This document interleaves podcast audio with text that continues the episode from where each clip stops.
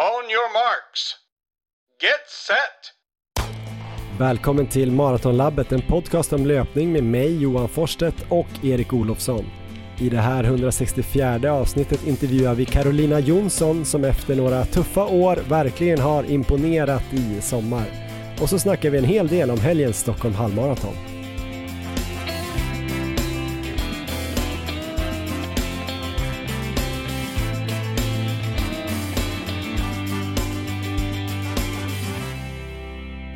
the Då sätter vi igång det 164 avsnittet av podcasten Maratonlabbet. Jag som pratar nu heter Johan Forstedt och med mig som vanligt har jag då Erik Olofsson, bördig från Mattmar i Jämtland, nu boendes i Uppsala, en av Sveriges bästa 24 timmars löpare och en hejare på poker, eh, fin pappa och vän. Hur är läget? Underbart är det efter den där fantastiska presentationen och eh, något som också är skönt är att sommaren har kommit hit till Uppsala nu äntligen. Så att det är ju fantastiskt väder att vara ute och springa i. Jag var ute och sprang i ja, drygt 20 grader och sol igår och jag tänkte göra samma sak idag. Enda lilla saken som inte är så bra just nu är att det har varit en röjsåg som har gått här utanför fönstret. Så jag ber om ursäkt om det skulle bli lite dåligt ljud stundtals, men jag hoppas att de har lämnat oss nu. Hur är läget i Stockholm? Jo, det är eh, bara bra, inga röjsågar här just nu. Eh, också varmt väder, det är inte så långt mellan Uppsala och Stockholm, så vi har ju ofta ungefär samma väder. Eh, väldigt skönt, bara att det är lite läskigt när det blir så här uh, varmt i september. Det känns som att det är på gång något med klimatet Erik. Just Man har ju hört det här förut. Det känns lite oroväckande, men får hoppas att det bara är någonting just det här året. En annan grej som eh, är lite oroväckande är ju den här mygginvasionen som ni har haft uppe ja. i Uppsala. Man har ju märkt av myggor här inne i centrala Stockholm också nu. Aldrig varit så förut. Och sen var jag ute i torpet här om eh, veckan och skulle klippa gräset. Direkt när jag kom ut ur bilen så kände jag, jag åker härifrån. Det var det sjukaste jag varit med om. Och när jag var handlade på ICA nära där i Morgongåva så var det myggor inne i affären. Det var galet var det. Hur har det varit hos eh, dig? Äh, men det är samma sak här och jag har tänkt på det framförallt när jag är ute på eh, längre löppass om man ska ta kisspauser. Det brukar ju normalt eh, inte vara några problem men nu eh, går det ju knappt. Man får så här stå och springa på stället ungefär samtidigt. Men då har jag kommit på det nu att det här är ju perfekta läget att träna in kisspauser i farten som jag vet att Alexander Sorokin, den bästa 24 timmars löparen i världen, faktiskt gör under loppen. Så att det är väl det jag får eh, ta tag i nu då, att eh, på mina långpass försöka eh, träna in att eh, ja, helt enkelt göra det här i farten. Så att det, man får försöka se det som något positivt, men eh, det har definitivt varit jobbigt. Jag brukar inte ha något problem med att de biter mig så mycket heller. Jag har ju växt upp delvis i Norrland på på sommaren uppe i Lappland, Norrbotten. Så jag har väl blivit biten hela mitt liv, men eh, ja, man har definitivt känt av det. Mm. Ett avsnitt om att kissa i farten hade varit något kanske. Eh, vi har inte haft det, vi har haft den här podden sedan 2018, men ja. inget sånt avsnitt. Eh, ja, det skulle kunna bli någonting. jag skriver upp det på listan Erik. Smal målgrupp kanske just för det, det ämnet. Ja, men jag har många frågor. Det beror lite på också vad man springer på. Ibland springer man ju 24 timmars på löparbana, 400 ja. meters. Känns ju lite obehagligt för medlöparna kanske. Men ska man ta VM-guld så, så får man väl kanske bara köra. Ja, jag tänker en, en flaska kanske. Eller att eh, vattna gräset där på inneplan. Ja, ehm, men, men vi återkommer i senare avsnitt helt enkelt. Ja, det här är alltså en podd som startade 2018, du och jag har känt varandra sedan 2001. Eh, hade vi börjat springa då hade vi kanske varit eh, jävligt bra eller på väg ut för nu på allvar. Eh, vi pratar inte alltid bara om myggor och eh, kissa i farten utan vi pratar om annat också. Som i det här avsnittet Erik, då vi kommer prata en hel del om Ramboll Stockholm halvmaraton som avgörs nu på lördag den 9 september.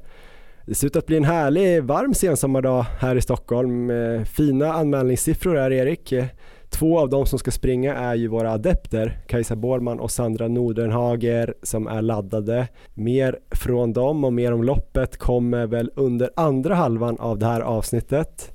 Innan dess har vi en eh, väldigt intressant intervju med det nygamla stjärnskottet får man väl säga, Carolina Jonsson. Eh, 2015 som 19-åring tog hon ju JEM-silver på 3000 meter hinder spåddes en, ja, om inte lysande framtid så en väldigt bra framtid i alla fall. Flyttade till USA för college men sen uteblev då utvecklingen och framgångarna fram till den här sommaren där hon har tagit SM-brons på halvmaraton, SM-silver på 10 000 meter, hon sprang Finnkampen eh, 5 000 meter nu i helgen.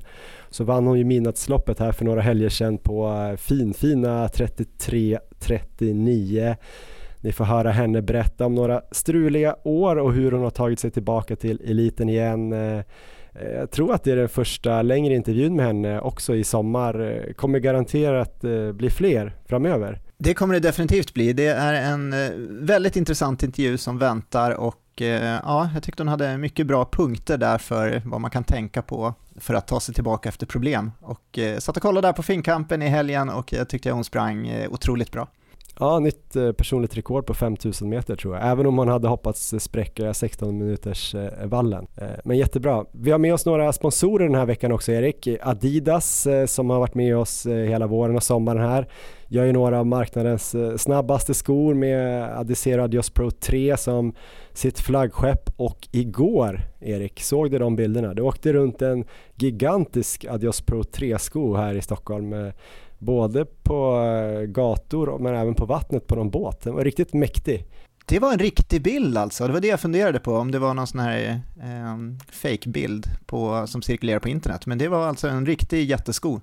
Ja, jag tror det. Jag kanske verkar riktigt dum nu. Först kände jag också så här, det här är nog en fake eh, grej. Men sen såg jag någon som eh, filmade den där på en lastbil som körde över någon bro där vid slottet. Så då tänkte jag, det kanske är en riktig det kanske vi borde kolla upp innan vi, innan vi säger det här. Det kanske, men vi får bjuda på det om vi blir lurade. Då har ju kampanjen i alla fall eh, lyckats tycker jag.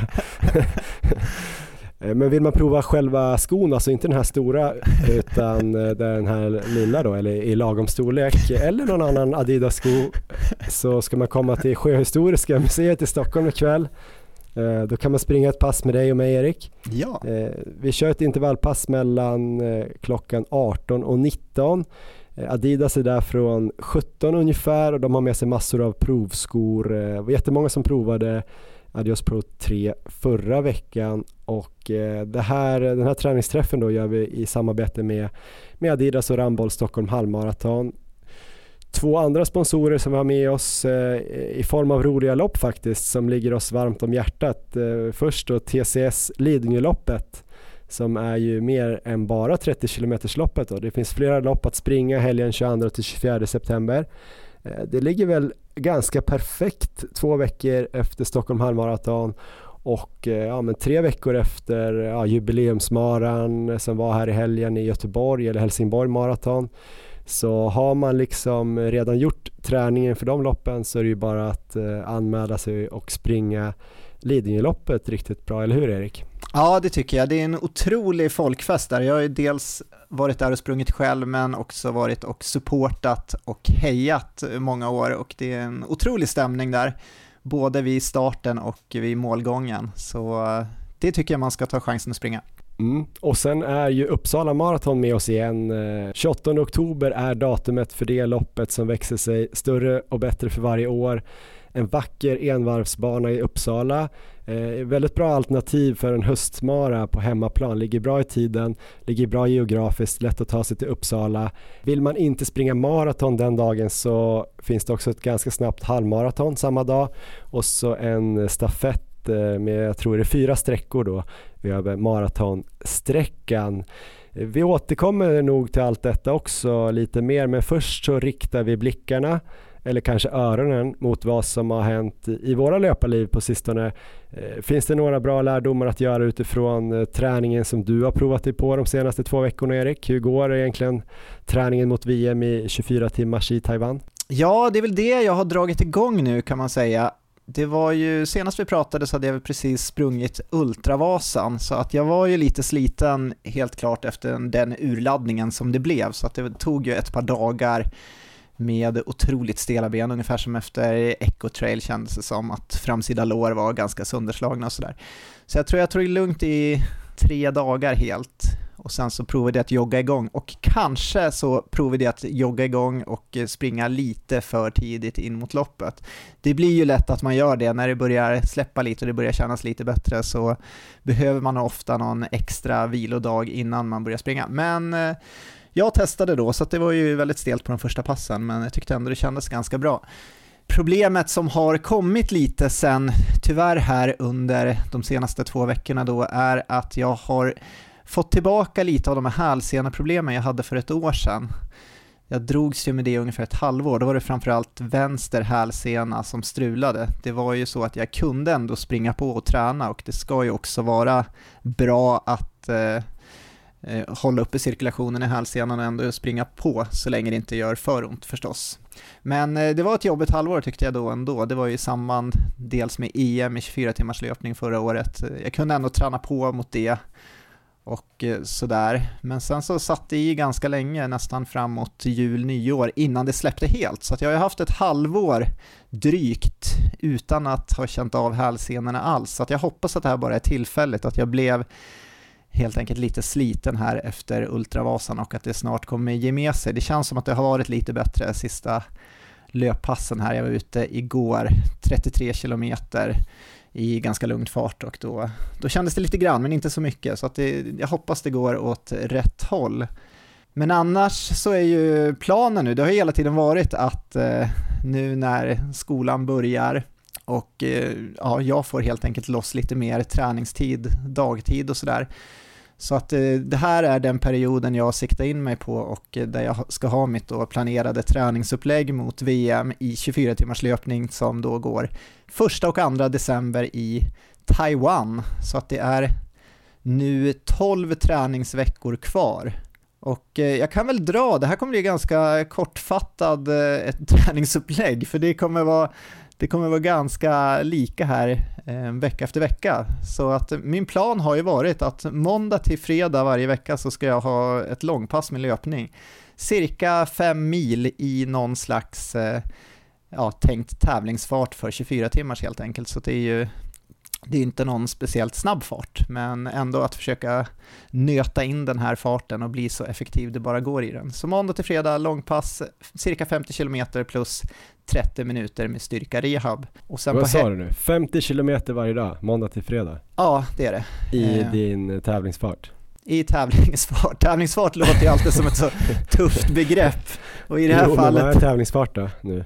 Vågar du säga det? Jag tänker väl att jag ska ligga någonstans mellan 4.45 till 5.00 och då, eh, då kan man säga att det är utgångsfarten och sen så är ju förhoppningen såklart alltid att man ska hålla hela loppet, men just på ett 24 timmars lopp så är det, det är en tuff utmaning att hålla farten hela vägen. Det kommer hända saker och eh, man kommer ju stelna till så att eh, det kanske är en utopi, men det är i alla fall den farten som jag liksom vill nöta in och ligga i. Och vad ger det på 24 eh, timmar då, om man skulle råka hålla det länge? Eller säg 5.00 då? 5.00 så är man väl lite under 30 mil, det kanske är 29 mil det ungefär. Oh shit. Så eh, det är ju ett eh, väldigt ambitiöst mål, men jag, ja, jag kommer ha väldigt höga mål mot VM och sen så eh, får vi se hur långt det räcker helt enkelt. Det är ju Ehm, det, det, gör mig väldigt motiverad. Jag känner det att när jag kan springa och visualisera de här målen framför mig och eh, tänka på dem, då blir jag motiverad att göra allt det här jobbet som kommer krävas. Det kommer vara extremt mycket arbete, eh, men jag har avsatt tid till det här och eh, det känns riktigt kul och jag är otroligt taggad på att eh, komma till Taiwan och springa VM där. Jag känner mig väldigt revanschsugen efter vad som hände där på EM i Verona där jag inte liksom fick chansen att eh, springa det jag kände att jag hade. Så eh, det är ju, ja, det är målet i alla fall. Men just för tillfället då med den här lilla hälsenekänningen så kan jag ju inte ligga uppe på den volymen riktigt. Jag kan avsluta också träningsupplägget här. Eh, lördagar då tänker jag vila från löpning, men då går jag till gymmet istället och kör styrka 60-90 minuter. Fokuserar på basövningar som marklyft, knäböj, med mera. Och söndag då om eh, det ska fungera och jag inte har känningar och inte blir väldigt sliten, så någon form av kvalitetspass, någon form av längre intervaller kanske, till exempel 3 gånger 5 kilometer eller liknande. Så i lite snabbare fart då, inte, inte milfart eller något sånt där, men, eh, men ändå någon form av kvalitet. Så då kanske den totala mängden på ett söndagspass blir ungefär tre mil. Så det är eh, det är upplägget som jag hoppas på, men sen vet jag om eh, att det är svårt att ligga uppe på den där volymen. Jag har haft veckor tidigare där jag har varit uppe där och sprungit, men ofta inte så många veckor i rad, utan det har eh, hänt någonting. Antingen får man inte, det händer saker i livet att man eh, inte får loss den tiden man hade tänkt till träningen. Och sen så kan det vara att det kommer känningar nu då som det faktiskt har börjat med redan med den här perioden. Så att upplägget bygger ju på att jag är fri från känningar och skador. Men kommer det sånt då har jag ändå alternativa träningsmetoder. Jag kommer cykla utomhus, jag kommer köra cykel inomhus på gymmet och eh, tröskelpass kommer det bli. Jag kommer inte ha på mig regnställ den här gången som inför EM i Verona och jag kommer styrketräna så att eh, jag kommer i alla fall ha väldigt många träningstimmar även om det inte, även om det inte blir den här mängden med löpning som, som jag hoppas på. Och vi kan ta föregående vecka då, så då blev det ju helt enkelt Jag måste här... bara få pausa dig Erik, innan du, du får inte prata om föregående vecka än. Jag tror att det blir så konstigt, det känns det fel om inte jag stannar upp här och, och dubbelkollar lite grejer, om jag hörde rätt nu, för jag kanske, jag vet inte, om jag var ja. förvirrad eller något. Du sa måndag till fredag, fem mil distans i tävlingsfart ja. varje dag. Ja. Distans också. Långpass skulle jag säga, ultrapass. så fem ultror måndag till ja. fredag, en ultra om dagen. Plus styrka en halvtimme. Ja. Så är det? Ja, då är det mer hemmastyrka kan man säga. Eh, saker, ja, typ jag, saker jag kan göra hemma. och eh, saker som är bra för din hälsena så. Exakt. Prehab, eh, rörlighet och sånt. Ja. Och sen ett större styrkepass på lördagar. Ja. Där du försöker träna upp dig för att slå mig i marklyft. Ja. Och sen söndag då kör du 3 gånger 5 km kvalitet då typ eh, alltså marafart eller något sånt? Nej, inte marafart, det skulle vara alldeles för hårt. Så att det okay. är, det är ja, lugnare, lugnare fart än marafart. Okej, okay, då typ steady eller någon så här uh, snabb distansfart eller något så. Med lite mellanmjölk. Men, ja. men då fattar jag att du klarar det. Om du håller ner farten där, då kommer du nog fixa de här 28 milen och 6 ja. styrkepassen. Det är bisarrt mycket Erik. Det här ja. målet, att, alltså jag tycker verkligen att det ska bli kul att följa. Om, jag hoppas att hälsenan skärper sig. Men det är lite som att det här målet att träna så mycket fram till Taiwan är nästan högre än målet det här med 6.46 på Ultravasan. ja. Eh, ja. Jag fattar också att du inte tror att det kommer vara så här exakt varenda vecka utan det Nej, kommer hända precis. grejer. Men ändå, Aha. det är jävligt eh, mycket träningar. Ja, jo men det är det. Eh, tidsmässigt så kommer jag ha tiden för det för det, det har jag satt av. Så det är ju helt enkelt att, att vara smart, tänka på återhämtning, sova bra, äta bra och eh, köra mycket rehab och annat däremellan och sen så hoppas jag väl nå så nära som möjligt. Det är ju som när man kör en specifik maratonperiod inför ett maraton, det är ju sällan man lyckas med 100% av det man har tänkt, men kommer man någonstans på kanske 85-90% av det man har tänkt så brukar det ofta bli väldigt bra. Men måndagarna efter här lite hårdare på söndagarna kommer också vara 50 km på ett pass. Ja, så det är det är planen. Och är det här eh, liknande som eh, världsrekordhållaren Sorokin kör eller? Är det något eget upplägg? Det är väl liknande men han kör ju ännu mer. Han har ju veckor som är uppe på, då är uppe på 35 mil per vecka och när han är ute på sina långpass, det är ju alltså det är så bisarra farter också för det är så här, eh, det är ju, han brukar lägga upp på Instagram ibland och då kan det vara en så här recovery run 40 kilometer och då är det så här 4.00 fart. Och sen så bruk, brukar han lägga upp puls också, det är så här puls 115 till 120 ungefär. Så att, eh, men han, han, är ju ett unikum, så det går, inte, det går inte att jämföra sig där, det går liksom inte att kolla på vad han gör, utan man kan, man kan väl inspireras lite grann. Men, eh, men det här är väl det jag tänker är mitt absoluta max, vad jag klarar av. Skulle jag försöka gå upp och köra liksom ännu mer, kanske som han gör, så, så skulle det aldrig funka. Men det här hoppas jag ändå ska kunna fungera och jag, jag tror ändå det är, det är ju sådana här upplägg man måste göra för att verkligen lyckas på 24 timmars. Det handlar ju så mycket om att bli muskulärt tålig, att bygga upp en sån, ska man säga, benstyrka, att man, man håller hela loppet helt enkelt. För på, på slutet, ofta det mest begränsande är ju att man stelnar till och eh, det, det, går helt enkelt inte att eh, hålla uppe farten längre eftersom man är så muskulärt sliten. Men kan man få in sådana här träningsperioder innan så tror jag att man kan klara sig ändå relativt bra på slutet. Men eh, kollar man tillbaka förra veckan då, hur nära kom du det här förra veckan? Ja, förra veckan var ju ingen bra vecka för att jag hade ju umhet i höger hälsena och det kom ofta efter ungefär en mil. Så att jag, jag sprang på så länge det kändes, kändes bra, men sen ofta bröt jag passen där när det började kännas för mycket. Så att eh, jag drog ner i allt på löpningen. Eh, det blev totalt cirka 12 mil löpning förra veckan. Men sen körde jag fem tröskelpass på cykel inne på gymmet och jag hade väl totalt sex timmar styrka och rehab, varav många styrkepass inne på gymmet. Så att det var ju positivt i alla fall att jag kom igång rejält med styrketräningen som jag kanske har slarvat med lite under sommaren och sådär av olika anledningar. Så positivt är att jag känner att jag har kommit in i det och jag även om jag inte kommer kunna springa nu till en början lika mycket som jag hoppas på så tror jag att jag kan bygga en bra grund eh, styrkemässigt. Och det kanske visar sig vara det optimala upplägget att eh, så här, komma in i löpningen nu gradvis och sen så få en rejäl grund med styrketräning inför vad för, förhoppningsvis då blir riktigt stora eh, träningsveckor med löpning senare. Så eh, även om det inte är vad jag skulle kanske valt själv att göra just nu så kan ju det här bli det perfekta upplägget. Så det är lite så jag tänker. Så vi får se. Den här veckan har ju startat bra här i alla fall. Jag fick in ett pass igår med 33 km, vilket var ju betydligt längre än vad jag kunde springa förra veckan. Så att jag hoppas nu att jag är på väg in i en period med mycket långpass framöver. Ja, härligt. Så det, det var min träning. Sen så, eh, ja, din träning har jag inte hört så mycket om Johan. Däremot så fick jag ju se dig springa lopp här förra veckan. Det var roligt. Mm, det tycker du va? Ja. Hur såg det ut då?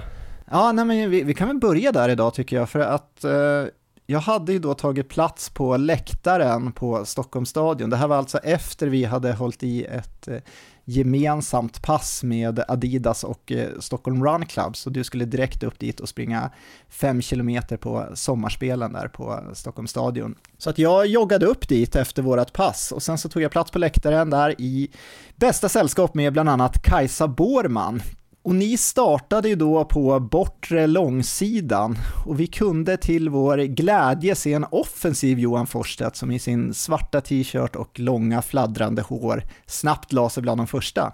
Och det var lite överraskande för du hade ju mörkat formen innan. Men nu när loppet började var det liksom inget snack om saken. Så ni passerar framför oss efter 200 meter och jag ropar så här Kom igen nu Johan! Och sen så kollar jag och Kajsa på varann var det där Johan? För det såg inte riktigt ut som du, men samtidigt så gjorde det ju det. Och sen när vi ser er så här på bortre långsidan så syns det ju att löptekniken är exakt som din, så det måste ju vara du. Grattis till den killen, eller hur? och när ni passerar nästa gång så då kan vi ju konstatera att det faktiskt inte är du, så då skannar vi av fältet och inser att du inte hade kommit till start, så det, det var tråkigt. Så jag tar upp telefonen där och ringer till dig för att kolla vad som har hänt och så är det upptaget. Eh, ja, så att det var trist, men nästa gång, fält, nästa gång fältet passerar så ropar ju Kajsa att ”men där är han ju”. Så näst längst bak i fältet i vitt linne och uppsatt hår så finns du trots allt med. Så då taggar vi igång hejaklacken igen och sen blev ju den stora frågan där på läktaren om du skulle lyckas besegra din eh, dubbelgångare. Men, eh, men nu får du ta över Johan och sen så återkommer jag med svaret på hur den kampen slutade senare. Mm. Hade jag vetat att det fanns en sån het kamp där så hade jag nog kanske tagit i lite hårdare. Men eh, ja, det här var ju då alltså ett lopp eh, som FK Studenterna håller i, eh, sommarspelen. Jag tror jag sprungit det en gång tidigare, 5000 meter. Jag anmälde mig väl tidigt i somras efter kanske Echo Trailer eller något. Tänkte så här, det kan ju bli kul där i augusti att ha ett eh, lite snabbare lopp. Jag kan ju lägga in lite sån träning här i sommar. Eh, så får vi se om jag kan hota mitt pers eller något. Jag tror jag har sprungit på 16.34 om jag inte missminner mig. Sen har inte sommaren riktigt blivit som jag hoppats. Och och jag var nog nästan ganska glad att det här träningseventet eh, lades där på tisdagen för att det skulle då krocka med sommarspelen. Jag skulle kunna göra en, ja, en avanmälan helt enkelt och inte komma till start. Sen blev det som aldrig någon riktigt avanmälan och jag märker typ dagen innan att jag glömt det. Får något mess från någon från studenterna som säger så här, ja ah, men kul att du fortfarande ska springa, då antar jag att du hinner efter eventet.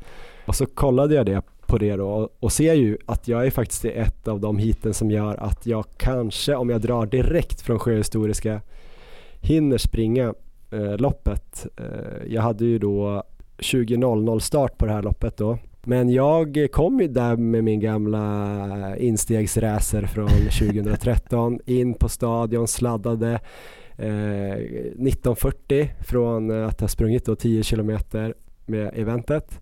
Hade ju lyckats springa 6 kilometer på lunchen också. Åh, oh, trippelpass! Ja, men bara för att vara helt säker på att jag inte skulle kunna prestera. Eh, sprang in på toan där eh, i stadion närmsta jag hittade, bytte kläder, sprang in på banan egentligen nästan direkt och så var det ju typ calling 10 i det var väl lite så här att jag hade ju inte tänkt springa det här, jag kände mig inte i form. Eh, jag har ju känt mig seg länge då, lite sämre än vanligt. Men tänkte så här, vad fan, jag kanske bara måste dra av plåstret typ. Kasta mig in i ett lopp som jag inte känner mig förberedd för. Kan ju vara bra eh, personlig utveckling och KBT. Jag säger ju kanske till andra ibland att de skulle kunna springa fast de inte känner sig helt, helt förberedda. Och då borde jag kanske också försöka föregå med gott exempel. Vi hade väl med någon elitlöpare som brukade göra det också och pratade gott om att springa lopp även när man inte var förberedd. Var det Jonas Glans? Ja, kanske det här var, att träna på att tävla liksom, att ja. den här pressen och släppa det lite grann och det kändes ju ändå på något sätt eh, skönt. Sen kanske jag liksom gjorde mina förutsättningar ännu sämre än vad de egentligen var genom att eh, träna två pass samma dag innan och lite uppstressad efter det där eventet som ju drog ut på tiden. Um, och sen hade jag väl inte vilat de dagarna innan och inte kört några sådana 5000 pass. Jag hade ju ett i och för sig med Sanna Mustonen och eh, hennes eh, kille där, Jens, där sprang 400 på Kärrtorp i, i hennes typ lugna fart typ och det var ju 3.20 fart. Så jag hade väl typ 18 400 i den farten någon vecka innan i och för sig. Så det var bara förutsättningarna. Sen vet inte jag, du har ju bättre koll på loppet känner jag, men eh, jag gick ju ut ganska defensivt. Det var ju Martin Jarbäck från Studenterna skulle hara på 16.30 i mitt hit. Eh, han harade ju mig i eh, varvet här när jag persade där. Och sen var ju då eh, Hanna Lindholm var ju med i, i mitt hit. Och hon låg väl precis i hälarna där på Martin så att jag tror han öppnade lite hårdare tyckte jag. Jag hörde ändå spiken. Jag la mig långt bak i fältet eh, som drogs ut rätt snabbt. Eh, kände väl ganska snabbt att jag låg runt eh, det var väl typ 82 varv på mig vilket är väl 3.24, 3.25 fart och jag kände väl att det var en ganska bra fart första fyra varven. Kände mig inte sådär jättepåverkad så men jag kände ju direkt att jag hade trötta ben. Alltså jag kände mig tom när jag startade. Det är ju inte en kul känsla på 5000 meter men jag tänkte att det kanske var ännu bättre då att försöka övervinna det och inte ha något så här klipp i steget. Så jag gnetade väl på och så någonstans halvvägs så var det ju rätt jobbigt men då var det väl några som började sacka efter så jag gick i alla fall fram och gick förbi lite folk där i mitten och sen eh, ja, men höll jag väl i hyfsat bra. Jag kunde inte spurta jättehårt. Jag fick ju stryk av eh, någon där i spurten. Henrik Engström från Hovet bland annat. Men eh, kom väl in eh, precis under 17, 16.58 och eh, det var väl precis ett sånt här mellanresultat tror jag. Eh, jag var ganska nöjd med det. Att, eh, att känna att jag dåligt förberedd ändå kunde kriga in där. Eh, precis, precis under 17 var väl trött men kände att jag kanske hade kunnat gjort något mer i, i, med andra förutsättningar. Samtidigt var det inte så dåligt att jag bröt ihop. Nej men det var väl eh, typ där jag kanske hade väntat mig. Om jag vad, inte hade väntat mig något. Vad krigade du för på slutet? Var det att ta sig under 17 då eller hade du något sånt där, eh, något mål sista varven? Ja, det var väl mycket under 17 kände jag då. Så kanske blev lite bekväm när jag märkte att jag skulle kunna klara det på ett typ 80, 82 varv sista. Men, eh, eller bekväm. Men eh, ja, det var väl det. Kanske borde ha krigat lite mer placeringar där. Det hade varit roligt. Eh, men ja, fan det var okej. Okay. det var ju jättebra besked tycker jag. Det har ju låtit lite ursäkta, lite negativt här på slutet hur träningen och känslan har varit. Så det där var ju ett stort steg framåt och lovar ju väldigt gott här inför loppen nu i september. Så kan jag väl återkomma till den här kampen som vi såg uppe på läktaren då. För din eh, dubbelgångare visar sig vara väldigt stark fram till de sista varven, så att han var ju nästan en hel raksträcka kanske före dig, men sen började han sacka med tre varv kvar och du började gå bra, så att du kom närmare och närmare. Ehm, så att eh, det var riktigt spännande uppe på läktaren där, så när ni går ut på sista varvet då har han fortfarande en en bra lucka, men du kommer ändå snabbt där. Men då avslutar han riktigt bra han med, så att eh, tyvärr nådde du inte fram för att bli den bästa Johan Forsstedt den här gången, men ändå, ändå ett stabilt lopp. Ja, men jag, jag är nöjd. Jag har en startpunkt nu känner jag och Eh, kan jobba vidare därifrån och eh, kan inte tycka så här supersynd om mig längre. Så det är väl bra. Och jag kom igång med träningen också. Jag ska inte gå in på den så mycket men det känns som att just nu ganska stabilt de här sista veckorna. 10 mil, typ två hårdare pass i veckan ligger jag på nu och försöker köra dem kanske lite hårdare än tidigare. Ett långpass, eh, två styrkepass. Jag tror att det blir melodin här i, i september så kommer jag väl kanske hitta, hitta någonting framöver här. Eh, så det känns lite bättre. Vi har några sponsorer i det här avsnittet. Vi har ju nämnt dem kort tidigare, gå in på det lite mer nu. Vi har ju Adidas som gör några av marknadens eh, bästa skor då som sagt. Eh, tävlingsskon Adios Pro 3 och den nya distansskon Adizero Boston 12 är två av våra favoritskor verkligen och vill man prova de skorna ska man ta sig till Sjöhistoriska museet i Stockholm ikväll. Där håller ju du och jag Erik i ett träningspass mellan eh, klockan 18 och cirka 19. Eh, vi kommer göra ett sista förberedande pass inför halvmaran på lördag. Två gånger fem minuter i ungefär halvmaratonfart, en minuts vila och sen fem gånger två minuter lite snabbare då, kanske 10k fart med 30 sekunders vila. Vi tror det blir, blir rätt lagom fyra dagar innan loppet. Adidas kommer vara på plats från 17, har med sig massor av provskor som ni kan springa med under passet. Och det här är ju ett samarbete med Ramboll Stockholm halvmaraton också och förra veckan då var det en helt fantastisk kväll där ute när även det här fina löpcommunityt Stockholm Run Club var med.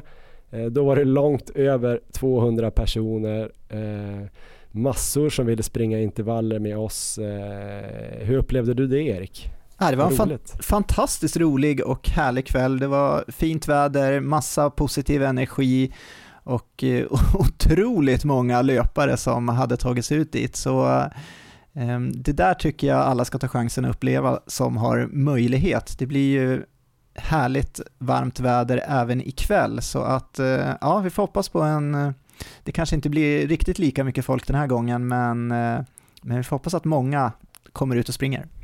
Ja, Stockholm Run Club drog ju dit mycket folk och sådär så det är nästan som att man hoppas att det inte blir sådär mycket folk just för passets skull. Men jag tror det kommer bli jättebra oavsett hur många som kommer. Det kommer bli kul. Eh, som du sa, varmt 22-23 grader säger prognosen. Eh, lite vind, eh, mycket löpkärlek. Eh, ja, kom dit och spring. Vi stannar nog kvar lite efteråt också och eh, snackar lite halvmaraton om ni vill det.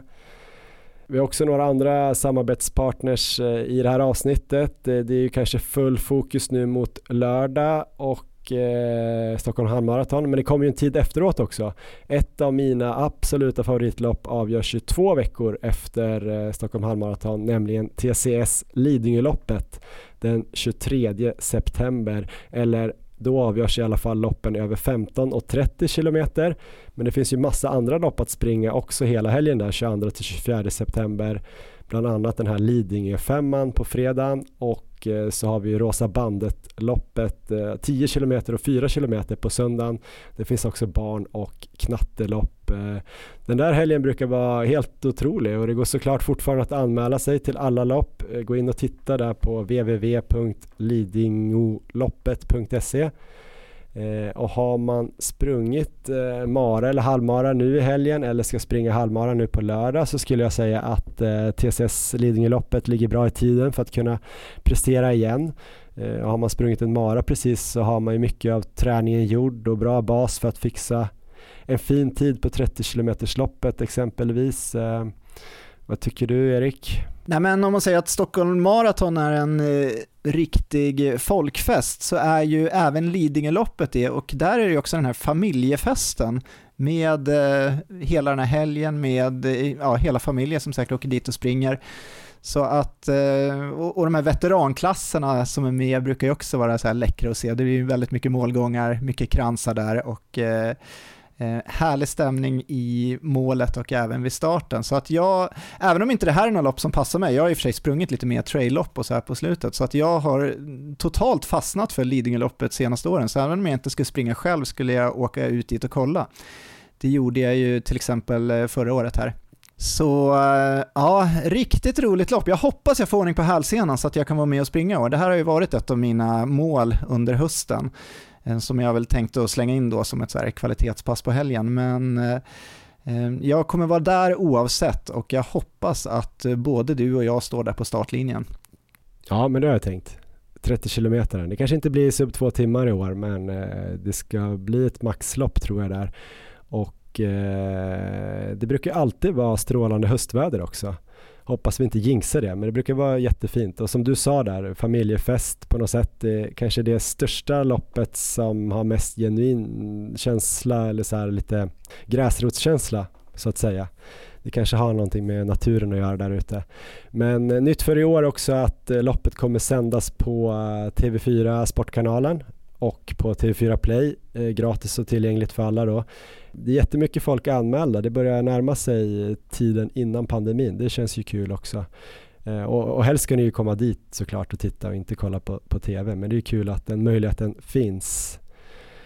Erik, vi får väl se om du kan springa halvmaran här eller Lidingöloppet med din hälsena då. Eh, men annars så borde du kanske ha fina eh, hälsenor till den 28 oktober. För ja. då kan ju du köra kanske kan rucka lite på schemat och inte köra styrka den lördagen utan kanske köra Uppsala Marathon eh, och så kör du 8 km uppvärmning så har du ett femmilspass där. För eh, då är ju ett lopp i din hemstad som verkar riktigt, riktigt trevligt, alltså Uppsala Marathon eh, och ja, man är vältränad efter halvmaran och Lidingöloppet. Det är kanske kul att få ut det på en mara. Du sprang i fjol, kan du rekommendera loppet?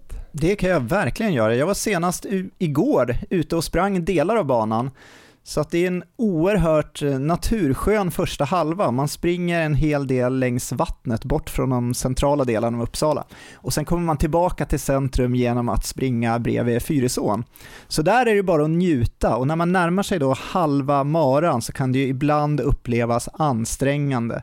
Mentala spöken börjar framträda och negativa tankar kan komma. Men då, mycket lägligt, så når man tillbaka till centrala Uppsala och man passerar studenterna och fortsätter bland annat på gågatan. Så där brukar det vara massor av folk och massor av energi.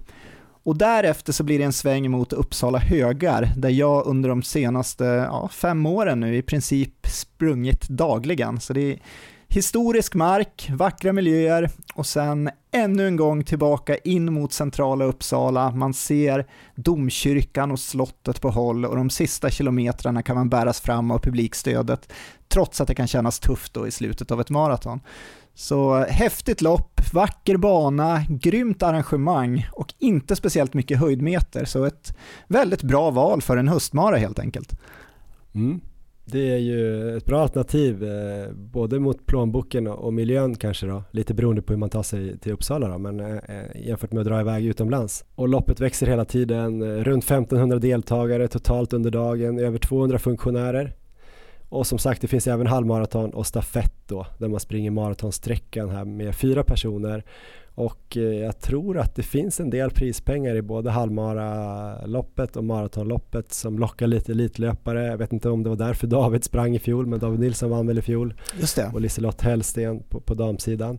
Eh, och om man vill springa då så har vi en rabattkod till maratondistansen då. Och den koden har vi haft tidigare men förlängs nu under hela september. Så då får man 25% rabatt rabatt med koden Maratonlabbet. Både små och stora bokstäver ska funka.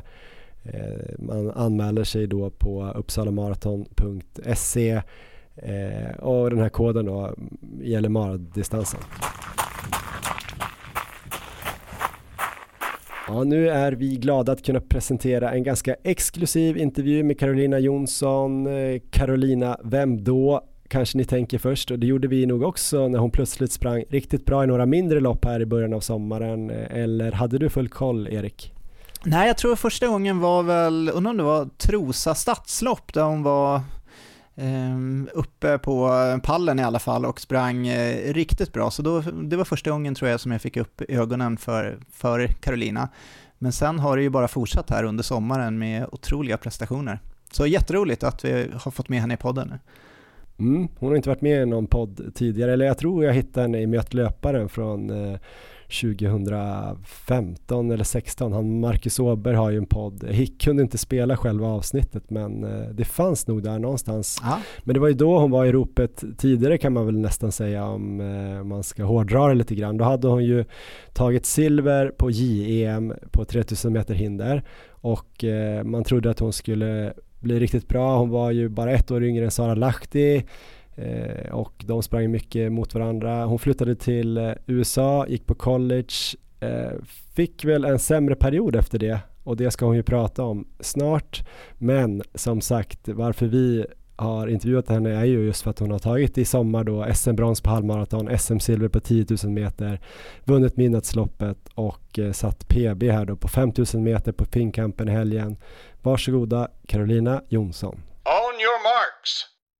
Get set! Ja, men då säger vi välkommen till eh, Carolina Jonsson. Hur är läget? Eh, jo, men tack. Det är bra. Jag eh, laddar inför ett ny tävling i helgen och eh, ja, så det är bra tack.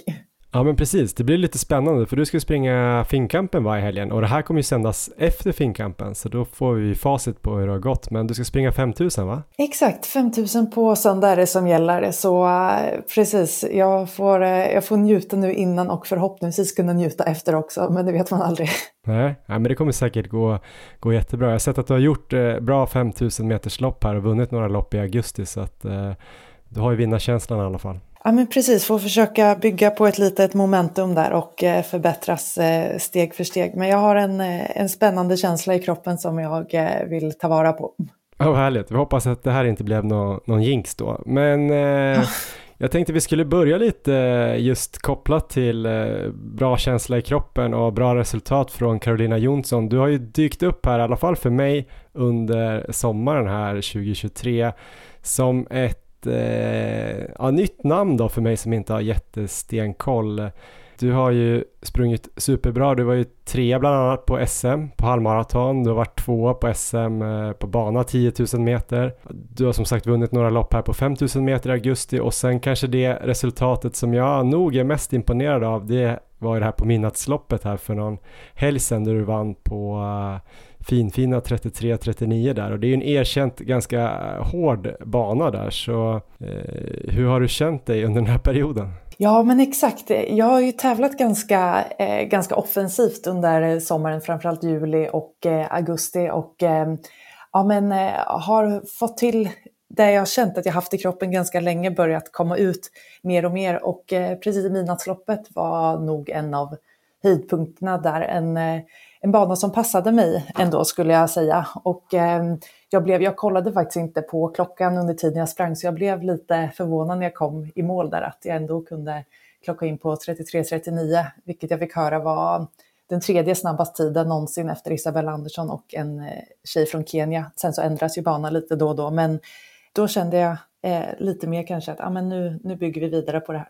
Mm. Men du säger att den banan passar dig men eh, jag antar att du ändå skulle kunna springa i teorin då snabbare på en helt platt mil. Eh, vad tror du att man tappar på den där banan? Det finns ju lite olika vad man säger hur mycket man tappar och så. Jag har nog inte jätte, jätteuppfattning om exakt men absolut att det finns mycket att eh, kapa på en plattare bana, det, det tror jag.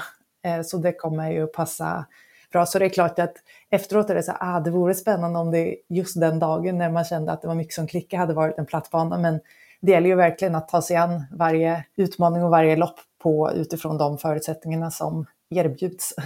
Två SM-medaljer också i sommar. Eh, vad är du nöjd, mest nöjd med under den här perioden? Ja, men jag är nog att jag har eh, ja, men, satt upp mål och vågat tro på dem. Att, eh, och haft en ganska, ja men lite för mig ny inställning att gå in i loppen med att istället för att drivas av någonting att jag måste prestera på det här eller det här sättet så är jag mer, ja, men jag vill prestera på det här sättet och ja, men drivits av en nyfikenhet att hur snabbt kan jag springa idag och hur, vad händer om jag provar det här och så. Och att ha den inställningen har varit ganska skönt och eh, lett till att eh, jag känt att, ja, men kunnat överraska på vissa sätt men också att kunna kolla framåt att ja, men nästa gång kan jag göra så här eller så här. Ja men superbra resultat här nu då, eh, juli, augusti. Och sen när man såg de här resultatlistorna eh, så tänkte man ju så här, vad är det här för namn? lite grann. Och sen eh, började man höra, okej okay, det är en eh, en tjej som är född 96, var lovande junior, tagit EM-silver på 3000 meter hinder 2015 var det va? Men mycket mer än så vet inte jag, bott i USA ett tag och sådär. Kan du berätta lite mer, var det någon typ av eh, Alltså första genombrott där när du tog EM-medalj 2015, hur, hur var det? Ja, men precis. Jag ehm, hade ju en väldigt ja, men bra juniorkarriär. Ganska kort för att jag började satsa på löpningen då ganska sent efter att ha hållit på med massor andra sporter innan. Men, ja, men som jag spelade mycket fotboll och tennis och red och så. Men det var ändå alltid fysträningarna som lite galet nog var mina favoriter. och att springa utan boll och springa bredvid hästen istället för det mer eh, konventionella liksom, eh, som de vanliga. Springa bredvid hästen, vad, vad är när gör man det höll jag på att säga, jag måste bara avbryta. Ja men exakt, det, det gör man nog inte utan det var nog mest jag som, eh, som fick någon, eh, någon idé där och ibland. Eh, just för att jag tycker att det är så roligt att springa och alltid tyckt och just den här tävlingsälskandet i mig som jag drivs mycket av. Eh, och det kände jag verkligen kunde komma till sin rätt i, eh, i löpningen. Så ja, jag sprang junior-VM 2014 i USA och sen sen 2015 då med junior-EM och eh, eh, ja, men SM-silver på 5000 på seniornivå eh, och terräng-EM och lite så. Så det var en, eh, en bra säsong, eller bra säsonger som junior där innan jag åkte till USA och pluggade på UCLA. Ja, då såg jag ljust på framtiden. Och det ja. gör jag fortfarande. Men... ja, du är fortfarande ung ändå, men det har hänt mycket antar jag. Men eh, det var väl efter 2015 där, var det på hösten du flyttade till eh, LA då och började plugga där och träna där?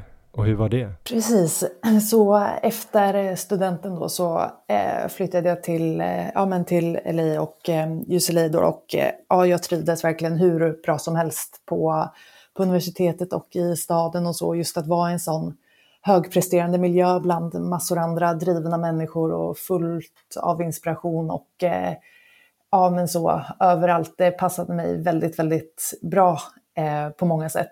Samtidigt som det uppenbarligen drog med sig många utmaningar också men eh, det var fantastiska år som jag lärde mig väldigt mycket av. Hur länge var du där? Eh, jag var där i två år. Jag hade stipendium för fyra år men eh, efter två år så var det läge att göra ett litet annat upplägg.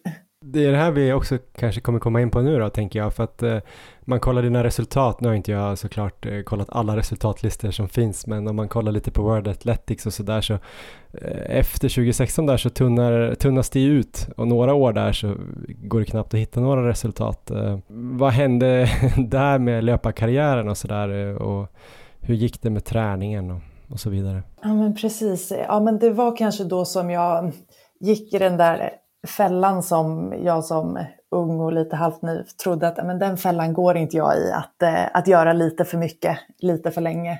Jag eh, blev, ja, jag fick mycket skador eh, och överträning och fick verkligen då ta ett steg tillbaka och kunde inte lyssna på huvudet längre utan bara lyssna på kroppen nästan. Så det var mm, år där jag verkligen fick, fick göra rätt igen. Men på UCLA där var det liksom hårdare träning där liksom att det var någon coach som drev på eller var det du själv som kände att du ville köra lite hårdare och lite mer och sådär? Eller hur såg det ut? Nej men precis, jag har haft, ehm, eller väldigt eh, tacksam för att jag har haft alltid väldigt bra människor runt mig. Jag har ju tränat med Ulf Friberg nu i snart nästan tio år och han har varit helt fantastisk hela tiden och känner mig väl och så. Och även i USA så hade jag en coach som var eh, ja, men såg också hela människan och eh, ja, men det här med balans. Så det var, men det är klart att när jag flyttade till USA då så blev det ju kanske ännu mer än tidigare att det blev en större press utifrån, både idrottsmässigt och akademiskt. Och då som driven i grunden, där man sätter höga mål, så gäller det nog att det ställs ännu högre krav på en själv att vara noggrannare med återhämtningen och men lite självmedvetenhet att vad behöver jag för att återhämta mig och så. Det var lite en sån, ja, men vill jag kanske go hard or go home, men då sa min coach lite att those who go hard or go home often end up going home. Mm. Eh, men man tänker inte att det gäller en själv utan man kör på och eh, sen så till slut så kanske det inte funkar riktigt längre. Men eh, det var mycket kommer liksom ändå från mig själv drivet. Mm. Var det någon stor skillnad? Jag antar att det kanske var då du flyttade hemifrån för första gången också. Var det sådana bitar som också spelade in? Eller? Ja men exakt, det gäller ju då att, eh, för när man har de som känner en runt en så eh, kan ju vara lite smart och vet hur, hur man ska bromsas och så. Så det är klart att det blir en omställning också att flytta till ja, men andra sidan jorden och eh, alla omställningar som är där. Men jag reflekterar nog inte så mycket över då att det var en så ja, men kanske lite stor grej som 19-åring så att flytta över. Eh, utan det kändes så självklart för mig att ja, men här ska jag vara. Och som sagt, jag trivdes jättebra och så, men kanske i efterhand kan se att, att jag tog det ganska så här, lite mer förberedelser eller självmedvetenhet med vad man skulle behöva för att det skulle hålla hade varit bra. Men var det liksom överträningssyndrom i den aspekten att du blev sliten och trött och inte presterade eller var det främst att det det blev mycket skador och så och i sådana fall vilka typer av skador? Ja men precis, det var eh, både och. Eh, så jag svarar inte på träning efter ett tag. Eh, och sen skador har varit en hel del stressfrakturer och som jag har dragits med en hel del men alltid liksom lyckats att komma tillbaka från och eh, ja, men varit duktig på att träna alternativ när det, alternativt när det har funkat. Eh, och hålla uppe hjärtat så och träna upp eh, hålla uppe där. Eh, men det är ju sådana, både överträning och stressfrakturer tar ju ett tag att återhämta sig ifrån. Så ehm, det är ju den tiden som går där. Men efter de här två åren i Los Angeles, eh, flyttade du hem då och eh, liksom kom det någon vändning då eller fortsatte de här problemen även i Sverige? Ja, men då, när jag flyttade hem då, då fick jag verkligen, då hade jag nästan inget annat val än att verkligen ta ett steg tillbaka. Det var då som jag inte hade resultat, eller ja, finns några resultatlistor på några år, utan då var det verkligen att, eh, ja som sagt, lyssna på vad behöver kroppen nu. Det var lite som att jag, ja, den hade viskat ett tag att eh, hörru, mm. sakta ner lite nu, koppla av, koppla bort, koppla från typ. Eh, men jag har sprungit lite snabbare och så börjar den prata och sen till slut liksom skriker att nej men nu får du verkligen ta ett steg tillbaka. Så då, ja, då fick jag göra det som krävdes där men hade ändå hela tiden tron på och intentionen att komma tillbaka till banan, vilket var liksom ett väldigt ja, men morot för mig att göra jobbet. Men du släppte inte löpningen utan det var mer att du släppte kanske prestationskrav och så eller och tränade mindre eller eh, har du sprungit hela tiden och så? Det, jag sprang så mycket som kroppen tillät, eh, vilket jag kanske inte var jättebra på att bedöma alltid, så det här med att ha ett bra, bra team och bra support mm. runt sig är verkligen en nyckel. Eh, men verkligen fokus på den återhämtningen som krävdes och att det var den som fick styra ganska stressande när man vill så mycket och känner att ah, liksom så. Men eh, man har verkligen inget annat val än att låta kroppen få den tid som den behöver för det går inte att, att lura den till, till en viss gräns men sen när den är passerad då, då är det bara den som bestämmer. Men hur tacklade du det då när du inte kunde springa? Du sa att du har varit eh, duktig på att köra mycket alternativ träning. Har du gjort det hela tiden och har det också liksom alltid varit bra för dig också eller har det blivit någon gång för mycket av det också? Jag tänker det kräver ju också energi så att säga. Men precis, när jag skulle komma tillbaka från överträningen då var det, ja, fick jag ju dra ner, begränsa både löpning och alternativträningen väldigt mycket. Men liksom se till ja, totalbelastningen på alla möjliga olika sätt, både från ja, men, krav från skola, jobb och träning så som blir en helhet. Eh, men sen efter stressfrakturerna eller att komma tillbaka från dem, då har alternativträningen varit en väldigt bra nyckel för där kan man ju verkligen köra på utan att det belastar skadan för mycket. Så um, hålla uppe som sagt hjärtat och eh, viljan är ju också en muskel så den håller man uppe väldigt bra när man står där och trampar på crossfit timme efter timme nästan. Just det, pannbensträning också ja. Minst sagt. Men det är ju som ett komplext problem såklart där med överträning och även stressfrakturer kan ju bero på lite olika man kan ju kanske fokusera på att det är för mycket träning men det kan ju också vara för dålig återhämtning som du sa, för mycket stress totalt eller kanske för lite energi in i kost och sådär. Har du liksom kunnat sätta fingret på vad det var för dig? Var det liksom en kombination av allt eller var det något som var huvudproblemet? Ja, det är ju precis, det är ju återhämtningen som styr egentligen belastningen. Att det, det är där som allting börjar, att man kan ju nästan träna hur mycket som helst bara man återhämtar sig på ett sätt som matchar den, eh, den belastningen.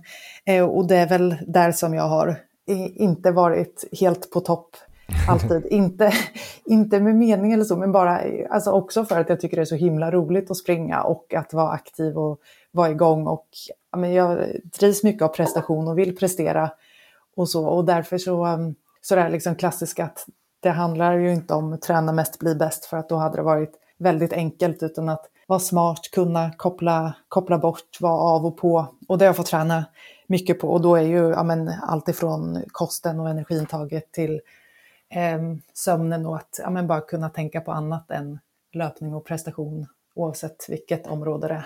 Det blev väldigt mörk intervju här känner jag. vi började eh, lyckligt och vi kommer sluta lyckligt också. Men eh, när kände du att eh, vändningen började komma och liksom att det började svara ordentligt igen och att du kanske hade någon längre period löpandes och, och var det något specifikt, eh, någon specifik anledning för att det vände eller hur lång tid ja. tog det? Ja men precis. Och sen, alltså, jag har nog inte sett det som ett, så här, ett mörker eller så. Alltså, det har varit väldigt prövande men jag liksom, det får jag väl tacka att jag har liksom en inneboende optimism att eh, ja, och se positivt på det mesta och hittar möjligheter i, i allting. Så det har varit tufft absolut, men jag har ändå känt att ja, men det här kommer lösa sig. Jag gör jobbet som krävs för att kunna komma, kunna nå mål även om det inte har blivit helt som jag har tänkt mig hittills. Det har liksom också varit att jag har legat på en ganska ja, men bra och hög nivå under flera år, men sen när säsongerna väl ska ha börjat så har jag åkt på en skada och då inte eh, väl fått ut det på tävlingsbanan, vilket är det som betyder mycket för mig. Men eh, om man tänker nu då när du verkligen har fått ut det här på tävlingsbanan i sommar, vad liksom hände i våras? Gjorde du någonting annorlunda? Vad var lösningen? Det, det, den stora skillnaden är ju att jag har hållit mig på rätt sida, den berömda gränsen. Eh, men eh, just vad det är som har gjort det är nog att ja, men jag har nog varit lite smartare och just haft kanske en, eh, ja men kanske lärt mig lite av åren hittills och har väl ändå ja, satt fingret lite på olika punkter som, eh, som har hjälpt. Men har du några sådana tips till lyssnarna som man kan ta med sig då? Det finns ju många som dras med, med skador på olika nivåer. Sen kan det bero på olika saker, men det är inte helt ovanligt att man kanske tränar lite mer än vad man klarar av att återhämta sig med, speciellt om man har mycket på sidan om med, med barn och jobb och dålig sömn och så vidare. Ja men verkligen, ja det är nog eh, tyvärr en del kanske som kan känna igen sig oavsett vilken, ja, vad man satsar på eller på vilken nivå eller vad det handlar om. Eh, så, men jag jag har framförallt fem punkter som, jag, som har hjälpt mig en del. Och, eh, då, den första är att ha, ha marginaler eh, på rätt sida. Att träningsmässigt har jag behövt tänka att hellre för lite än för mycket. Eh, och energimässigt hellre för mycket än för lite. Och när det kommer till energin så finns det ibland inte för många löpare något som är för mycket. För att mer energi innebär bara att man kan återhämta sig bättre och prestera bättre, springa snabbare. Eh, så att äta sina måltider för att springa sina måltider har också varit en liten sån grej. Ehm, och sen en andra sak som hänger ihop lite med ovan som jag var inne på tidigare, att lyssna mer på kroppen än på huvudet. För att ibland så vill huvudet lite mer än eh, kroppen och då gäller det att vara, vara lyhörd för signalerna där. Och det är verkligen lättare sagt än gjort. Ehm, så ett knep som jag haft ibland är att ja, göra lite tvärtom än vad huvudet säger kanske. Att säger en spring två kilometer till för, för säkerhets skull. Då, nej, spring två kilometer kortare för säkerhets skull, för att det är de marginalerna som, som behövs där. Mm.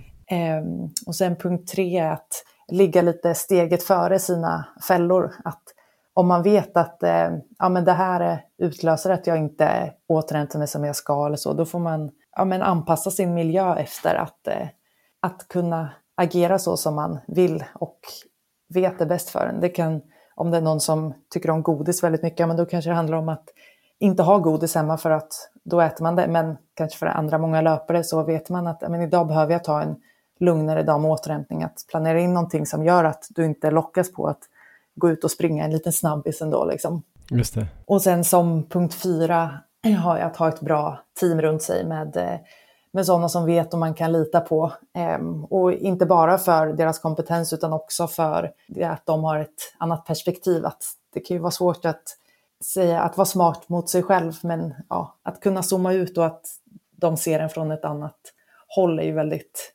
givande. Ehm, och det kan man ju applicera lite på sig själv också, att försöka säga till sig själv det man skulle säga till någon man tycker om. Eh, sån här klassiker. Och sen eh, sist är att ja, men fortsätta tro på att det kommer gå. Att har man mål eh, så är det värt ofta om man känner att eh, ja, men fortsätta tro på dem och visualisera dig att du kommer nå dem. Eh, och fokusera lite på processen istället för själva eh, resultatet där längre fram. Och skulle det inte gå som man har tänkt sig, vilket det inte gjort för mig hittills, men eh, det, jag ser fortfarande att många saker är möjliga så får man försöka vara lite schysst mot sig själv. Att man, man gjorde det bästa utifrån det man visste då och trodde var rätt då. Men skulle man veta att det man visste nu hade man gjort annorlunda men försöka liksom ha lite empati med sig själv i den situationen där man valde att agera annorlunda. Så får man bara lära sig att gå framåt. Vad känner du nu då? Du är fortfarande ung. Jag vet inte om du har fyllt 27 eller om du gör det under året, men eh, skulle du ha velat haft den här perioden ogjord eller känner du att det har varit bra för dig på något sätt? Um, nej, men det är klart att på, um, ska jag vara ärlig så hade jag absolut inte velat ha de här, uh, de här prövningarna som har varit på, på ett sätt för att uh, det hade varit väldigt mycket roligare om jag hade kunnat ta vara kanske på läget som jag hade där som junior där jag liksom räknade, ja men då, så här många OS ska jag springa och de här tiderna ska jag springa då och då. Um, det hade nog varit snäppet bättre, men när det inte är så då, då ser jag att det har gett mig väldigt mycket och ja, men verkligen, jag, eh, jag tror att jag har många år kvar och känner att jag fortfarande har väldigt, ja, men är nyfiken på vad jag verkligen kan få ut. Så det, ja, en stor nyfikenhet är i vad som, vart det kan hamna. Vad hade du för mål då och vilka mål har du nu? Då sprang du också mest 3000 meter hinder som jag förstår det. Och nu verkar du springa eh, i alla fall 5000 upp till halvmaraton. Har du förändrats något vad du vill göra så att säga med löpningen? Ja, precis. Ja, men då hade jag ju som eh, mål att ja, men såklart vara med på, i de allra största sammanhangen. Eh, och det hade inte varit jag att, att inte hålla fast vid det på något sätt fortfarande, även om jag har en lite mer ödmjuk inställning till, eh, till de målen och drömmarna och kanske ja, fokusera lite mer på, på vägen än vad jag gjorde då. Men eh, det är klart att det är jag att alltid sikta högt och eh, men har ju precis fått skifta lite distans, dels för att hinder sliter mer och så dels för att ja men 5000, 10 000 och sen gå upp på, eh, på halvmaran ännu mer och till och med maraton kanske sen eh, är någonting som, som vi tror passar mig. Mm. Vad tror du och kanske Ulf också då som har sett många löpare att du kommer springa som allra bäst om man blickar tillbaka sen på den här karriären? Ja men det är det som är, det känns som att jag, alltså det är inte att jag överraskar lite då och då, men lite så här att ja men det är kanske är det som passar eller så. Så det är nog lite svårt att säga så här men eh, jag är väldigt nyfiken, det känns som att jag har mycket ogjort på många distanser. Så eh, det blir eh, spännande sen att blicka tillbaka när jag känner att jag är jag är klar och har, ja, men nu har jag fått ut allt. För jag känner mig långt ifrån där nu. Men när jag har den känslan att se, ja, hur blev det då? En fråga där då, kopplat till det på något sätt ändå. Hur, hur ser träningen ut eh, nu för dig? Hur mycket springer du och eh, hur ser liksom upplägget ut? Jag håller en ganska låg, eller jämförelsevis med mina med löpare, eh, löpvolym just för att inte gå sönder. Så jag springer ja, men typ ungefär nio mil i veckan, ibland tio. Eh, och sen kompletterar med mycket alternativ träning som cykel och crosstrainer. Eh, och så styrka. Mm, och eh, ja, just det här att inte springa eh, för hög volym eller för mycket på bana har varit en viktig del. Men om du springer 9-10 mil då, hur mycket eh, annan konditionsträning gör du bara för att få ett hum? Ja, men det lägger jag in eh, ungefär, eh, ja, fy, om jag kör dubbelpass ungefär tre, tre, fyra dagar i veckan med alternativt. Så då kör du ett alternativpass och ett löppass den dagen, eller? Eh, precis. Ja, och eh, kör du den alltid som distans eller kan du köra den hårt också? Eh, på um, alternativträning det kör jag eh, nästan alltid distans. Eh, så, och väldigt, ja, ganska lugnt. Det kan ju vara lätt att dra på där men eh, mest för att ja, få, få in volymen på låg intensitet så att den inte sliter. Och det är ju ja, som sagt återhämtningen som styr hur, hur hårt jag kan gå där. Mm. Ehm, men ehm, jag försöker hålla så mycket av kvaliteten på löpning som möjligt. Och vilken typ av kvalitet kör du där då? Är det, är det liksom mer tröskelbetonat eller är det också snabbare intervaller? Mm, precis, en bra, bra mix där. Så både, både tröskel eh, och försöka förbättra den hela tiden eh, med de parametrar man kan gå efter. Eh, och sen intervaller, mina absoluta favoritpass. Hur många sådana pass springer i veckan då, alltså som är mer kvalitetspass då, om man räknar in både tröskel och, och hårdare intervaller? Du brukar landa på eh, ungefär tre tuffare. Just det. Så de är klassiska tisdag, torsdag, lördag. Just det, och så något lite längre på söndag då kanske, men inte allt för Precis. Långt. Spännande, det låter som Ulf Friberg-träning tycker jag. Ja. Han har varit med i podden. Ja, men eh, jag är väldigt eh, glad för att ha med honom så, på ett så bra sätt.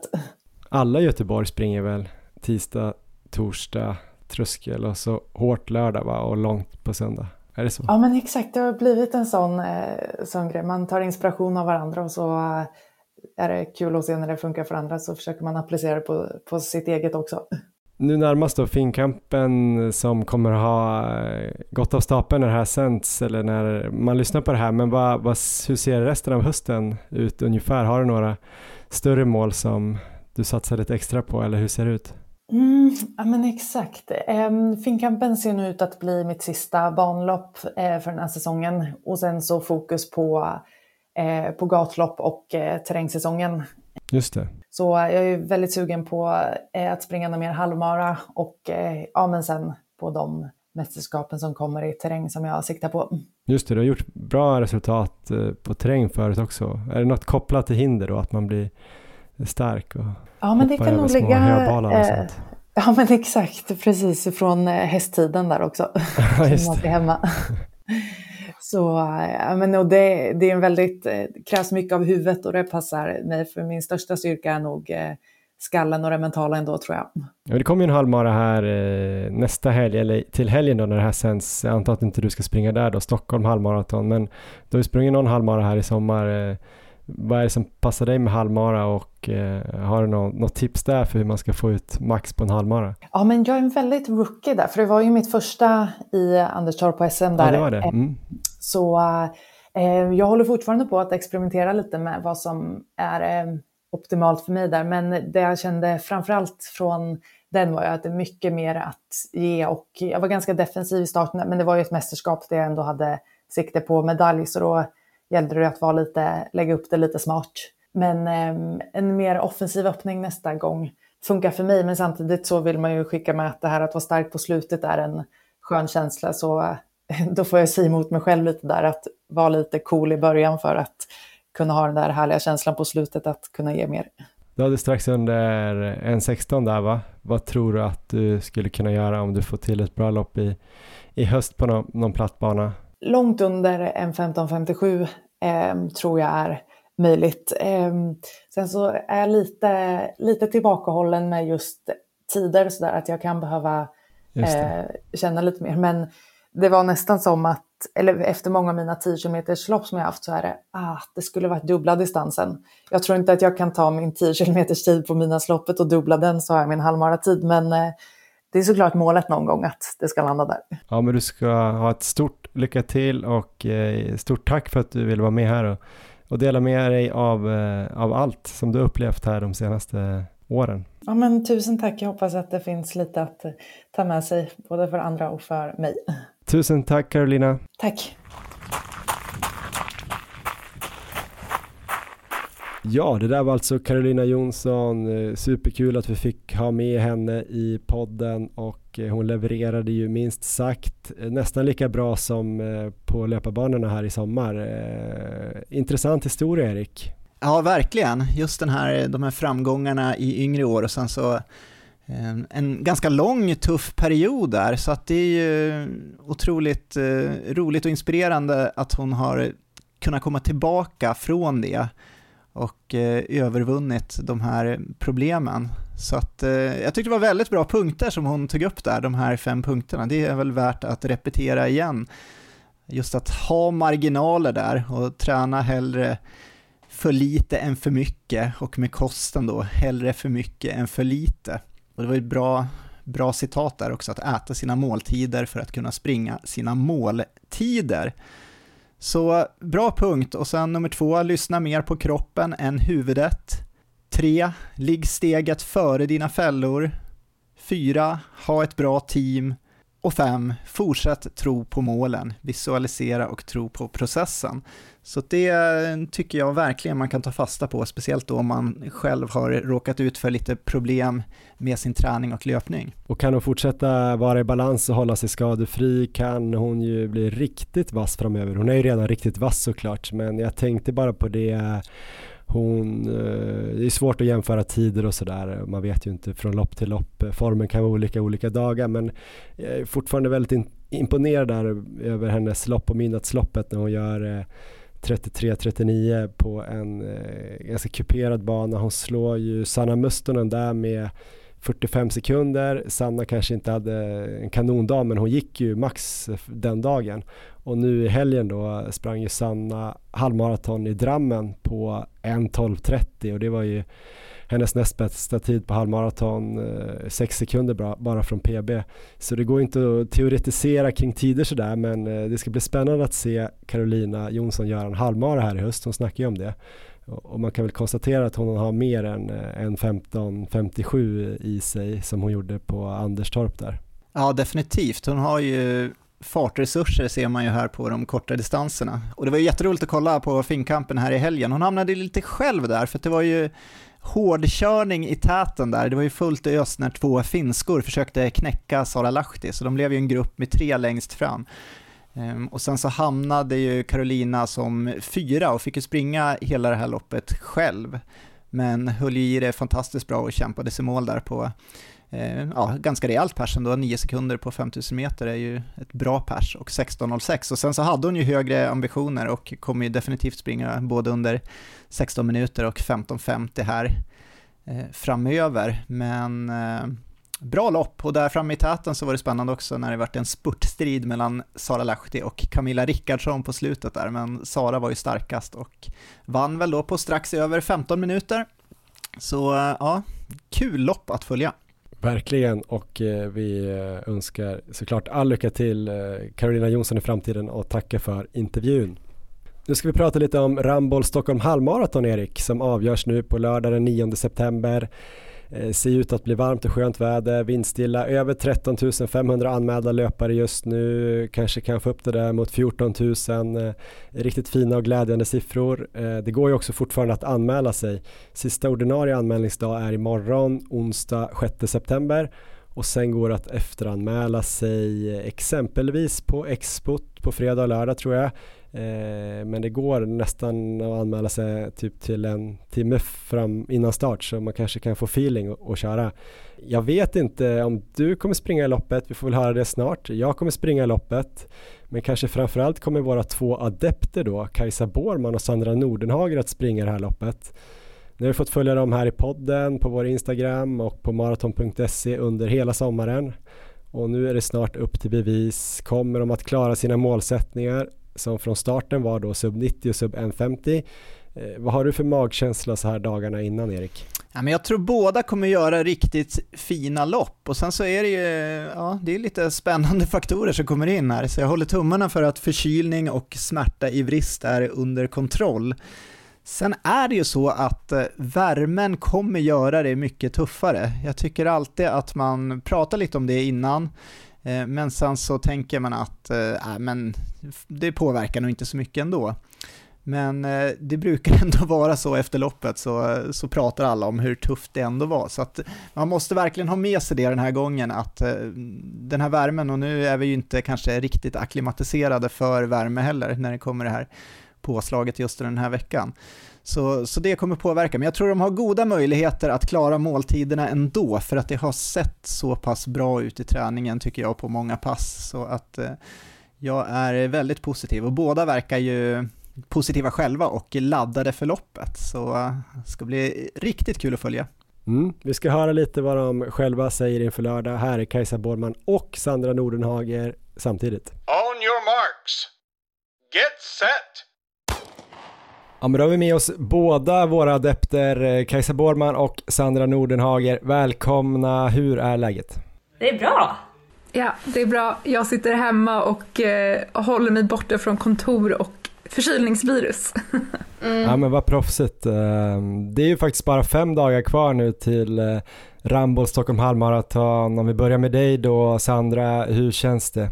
Mm, ja, men det känns spännande, det börjar verkligen dra ihop sig nu och jag, är, har, jag har varit väldigt taggad framförallt förra veckan när det var den här sista mer hårda träningsveckan. Sen åkte jag ju på en förkylning här inför helgen så nu har jag legat i eh, sjukdom och har kanske inte kunnat tänka så mycket på loppet som jag hade velat. Men eh, nu när jag är på väg ut på andra sidan igen så känner jag igen att det här ska bli riktigt kul. Men jag börjar bli lite nervös. Mm, men nu låter det allvarligt här. Du har legat i sjukdom. Eh, hur illa har det varit?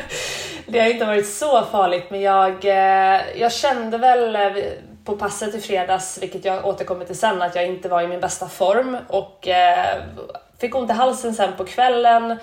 Har eh, sen dess haft lite halsont, snuva, men eh, ganska lindrigt och eh, dagens form är enbart lite snuva och eh, nysningar, men inget mer än så. Mm, ja, men vi får hoppas att eh, det har varit lindrigt, ingen feber och hosta vad jag vet och eh, bättre att det kom den här helgen än nästa helg säger jag. Och då går vi över till dig då Kajsa, du ska inte dra på dig någon förkylning till nästa helg då hoppas jag. Mm, exakt. det är planen. Jag ska vara så lite som möjligt bland eh, folk och eh, ja, göra allt det vanliga, sova ordentligt, äta ordentligt, tvätta händerna ordentligt och så vidare. ja.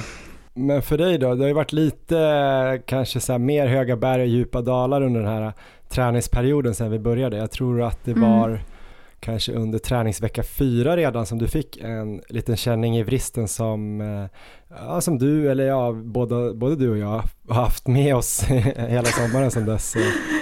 Hur ja. känns det nu, fem dagar kvar?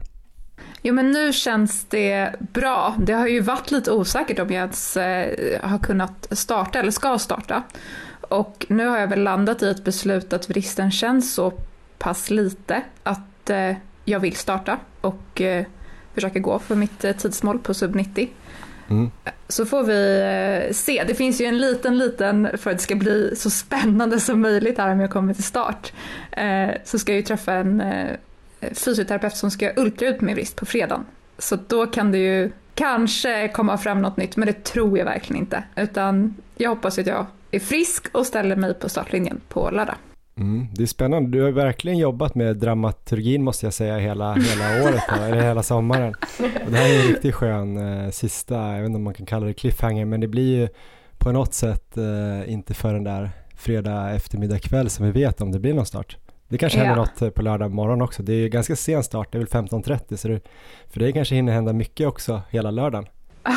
jag hoppas inte det, utan att eh, 15.30 står jag där på startlinjen och är redo.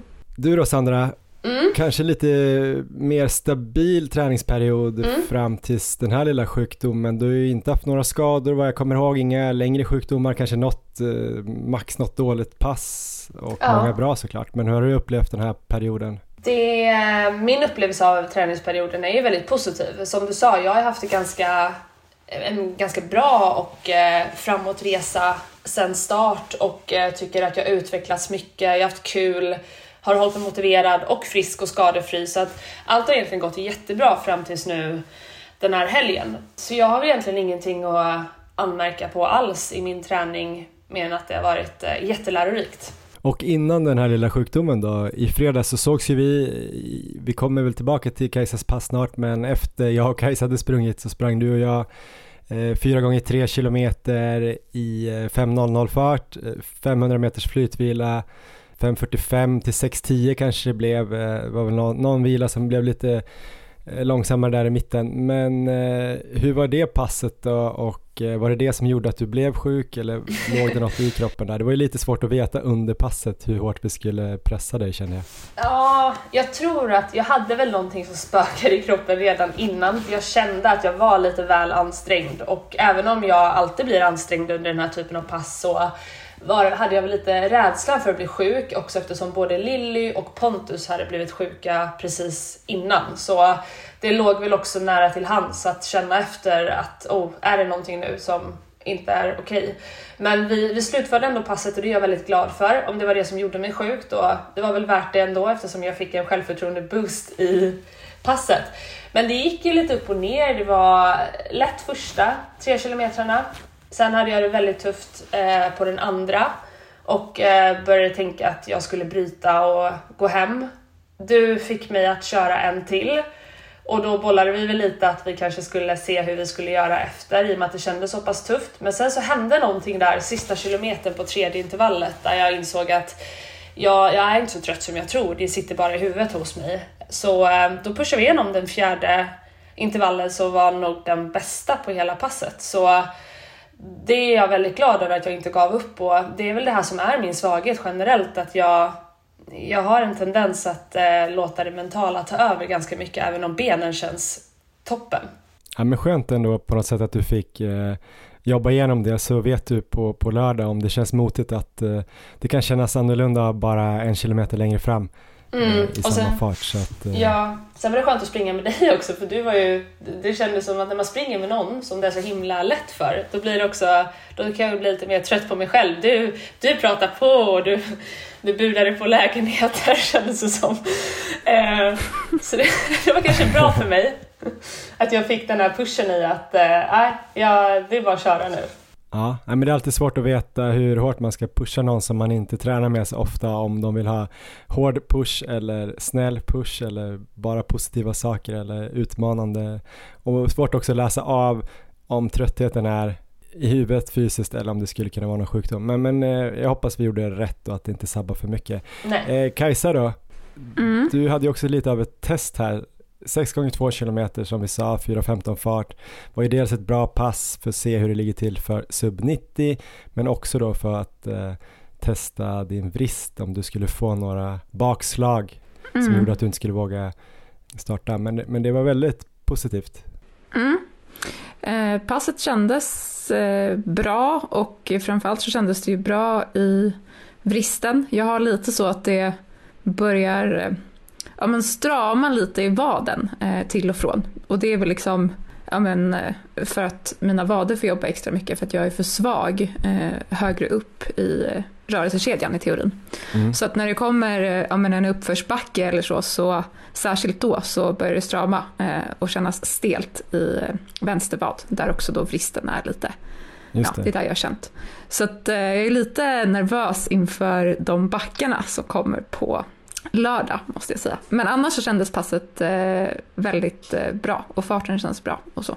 Ja, ja men det kändes eh, ganska komfortabelt. Du fick väl eh, sluta prata där efter andra intervallen tror jag ändå, så det blev väl lite utmanande i alla fall. Mm. Eh, och sen kom väl den där vadkänningen lite grann. Men, mm. men eh, det såg riktigt bra ut, kul. det ska bli spännande att se båda er på, på lördag. Mm. Jag tänker lite snabbt här då, har ni börjat tänka någonting på liksom själva loppet, eh, taktik, är det bara hålla era tänkta farter rakt av eller eh, hur tänker ni där?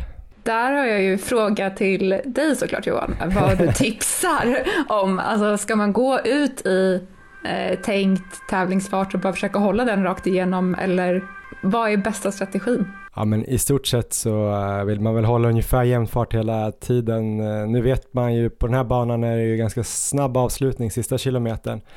Så där kan man ju springa in lite tid eh, strax innan där, eh, sista femman mellan 15 och 20 är väl den hårdaste kanske så att eh, eh, men första milen, jag tror kanske alldeles i början vill man ju inte rusa och springa för fort så där kan man ju ligga kanske några sekunder långsammare till och med för att eh, hellre det än att börja stressa och kryssa mellan folk och bara för att hålla sin, sin tid. Plus att ni kommer känna att det är lätt första fem ganska säkert så då är det väl risken att ni springer lite för fort där och det kommer mm. ni i mm. sådana fall få betala för. Så hellre kanske första två, tre kilometerna bara lätt, lätt eh, över möjligtvis men ni får ju heller inte tappa för mycket tid för då blir det ju jobbigt att ta igen. Men eh, sen är det väl egentligen jämn fart och så spurta på slutet skulle jag säga och sen justera i de backarna som finns upp mot eh, Slussen till exempel och sen är det ju lite backigt från Tanto också upp där på söder så att yeah. eh, där vill man väl inte gå för hårt bara för att hålla sin, sin fart utan man får vara lite kylig där och tänka att man kommer springa kapp utför.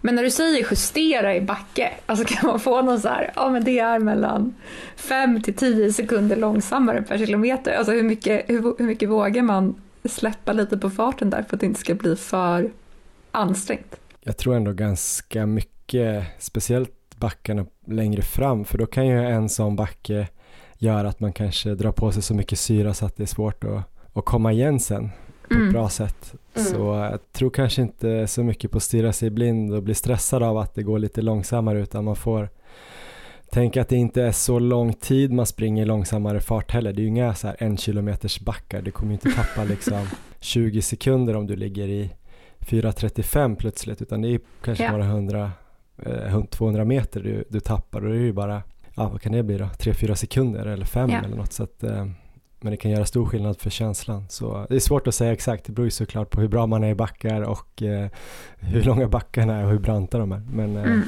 men man behöver ju inte eh, bli orolig om det ser tråkigt ut på, på farten, på klockan. Mm. Nej. men vi pratade lite om det här också Johan i fredags kring just strategin inför loppet och det var väl som du tipsade om att för jag kommer ha en personlig hare eh, som kommer att hålla farten åt mig och Eh, sen kommer vi också hänga med 1.45 farthållarna, även den officiella gruppen. Och det var lite som du sa där att man kan tänka på att vissa farthållare kanske tenderar att springa lite ojämnt ibland. Jag har erfarenhet av det i alla fall från vissa lopp att ibland går det väldigt fort i början och sen så eh, sänker de farten på slutet eller så går det bara lite mer hackigt. Så att det handlar väl om, om det är en bra farthållare som håller farten jämnt så kommer vi nog försöka följa med för att få lite vindskydd och sådär. Men eh, vi kommer hålla, försöka hålla ett jämnt tempo från början och hämta hem lite nedförsbackarna för att kunna ha lite marginal uppförsbackarna. Så är det så att vi eh, inte hänger med farthållarna så kommer vi se det som att då är det för att de inte håller ett jämnt tempo. Så, så, så tänkte nog vi.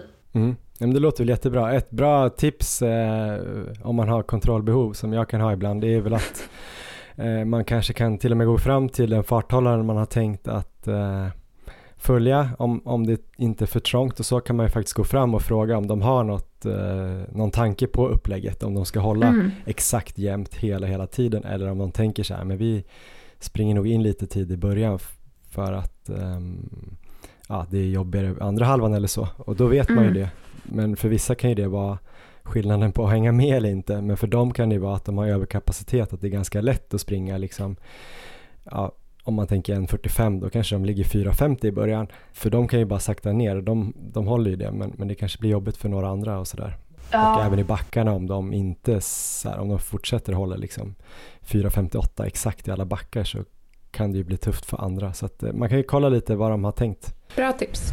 Ja, nej men eh, ska nog runda av lite grann med en sista fråga då. Nu vet vi inte vad det blir för väder såklart än så länge på söndag, men just nu så står det att det kan bli liksom runt eh, 24 grader står det faktiskt eh, på yr här. Eh, vindstilla i princip.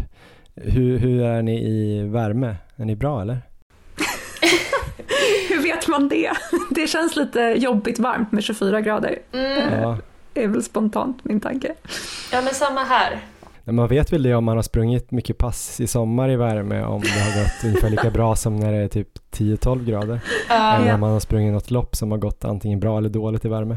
Eh, alltså jag, jag tror att jag, jag läste också om att det skulle komma en värmebölja här nu lagom till eh, halvmaran. Så jag, jag är ju inte generellt den bästa i värme. Jag påverkas ganska mycket av högre temperaturer. Men i och med att det här är liksom mitt lopp på lördag så jag lever i förnekelse. Det är lite, jag tänker nu att det kommer inte påverka mig, det kommer gå jättebra.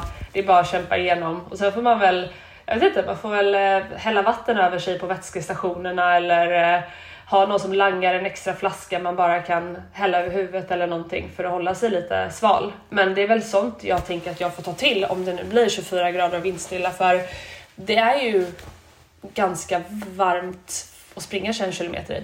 Ja, det kommer ju påverka loppet tror jag. Vi får nog snacka om det lite närmare inpå här sen om det, prognosen eh, håller i sig, men absolut, kyla ner sig så mycket som möjligt och vara i skugga och sådär är ju bra.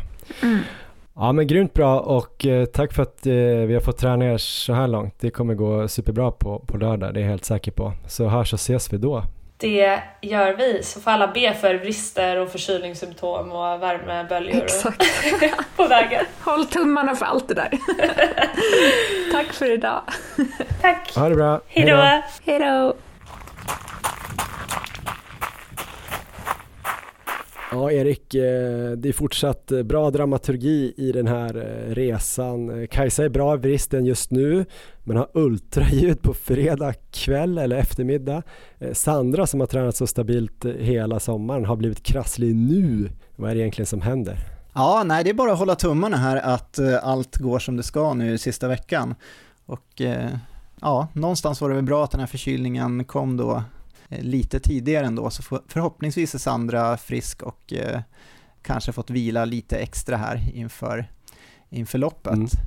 Och Kajsas vrist, det, det är vad det är liksom. Vi, på, på det här eh, eventet vi hade förra veckan, så jag vet inte hur många frågor hon fick från folk hur det var med vristen. Ja, så, så jag tror hon börjar bli lite less själv på att eh, prata om den och att höra oss prata om den. Så att det är, det är vad det är. Så att det är bara att eh, hoppas det är bra på lördag och eh, ja, inte ta några risker, helt enkelt inte springa in, sönder den. Om hon får väldigt ont, då är det ju så, då får hon ju hellre bryta loppet än att liksom kämpa på med smärta.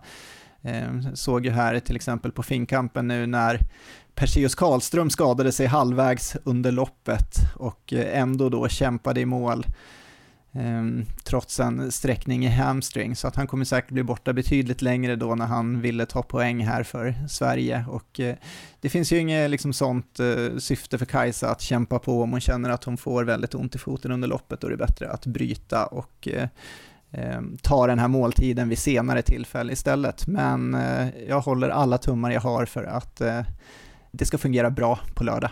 Mm. Ja, vi släpper bristen nu då kanske för all framtid förhoppningsvis. ja. Eh, och så hoppas vi att inte den här eh, fysion på fredag säger annat. Men, äh, men jag tycker båda ser jättebra ut och de kommer vara i toppform på lördag.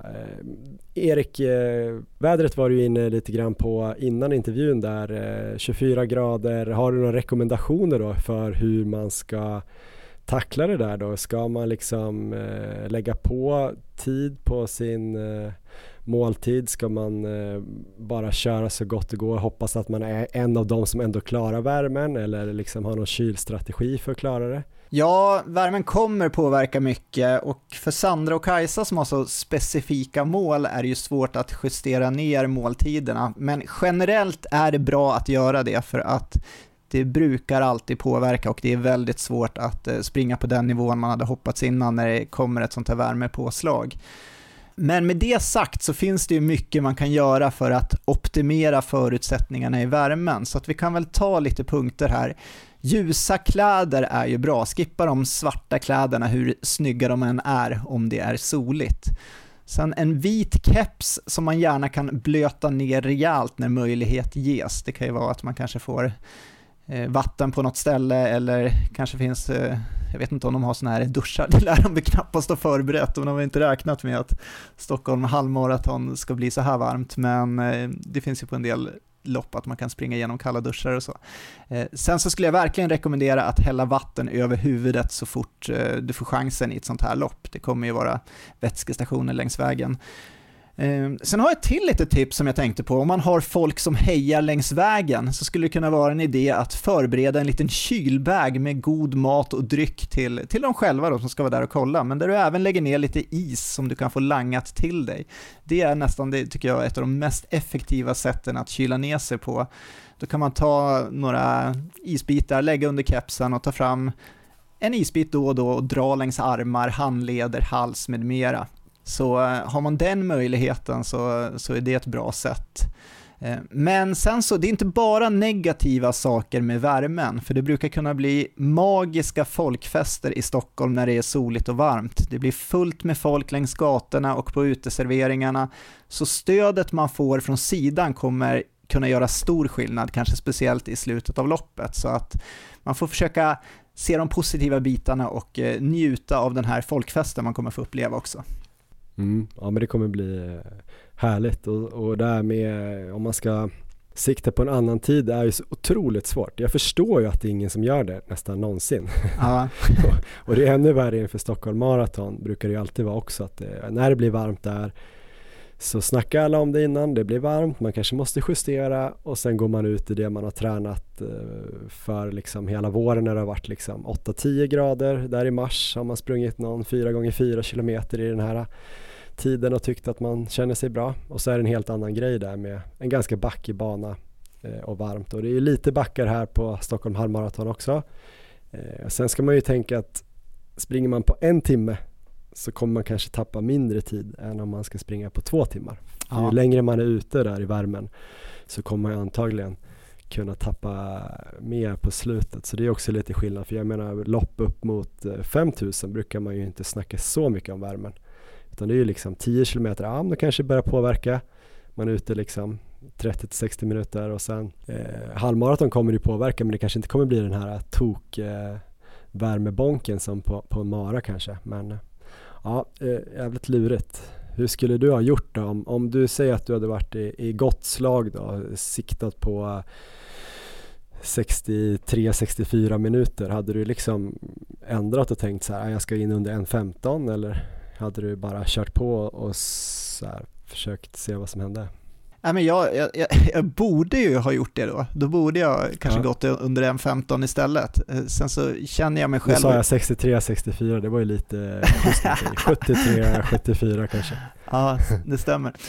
Um, nej men, uh, ja, mina erfarenheter säger att jag borde göra det, försöka sikta på under en 15 istället och uh, ta hänsyn till uh, värmen och justera ner måltiden. Men jag vet ju att jag har väldigt svårt att göra det har jag liksom ställt in mig på någonting, då vill jag ofta gå för det ändå, men ja, det blir ju klart mindre chans att man lyckas med målet och för de flesta, jag tror så här kan man tänka, att man har ett mål som man känner är väldigt på gränsen, att det känns, det här är ett tufft mål.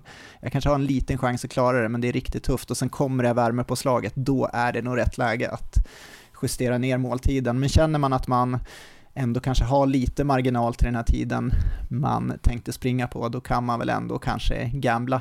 Men eh, mm.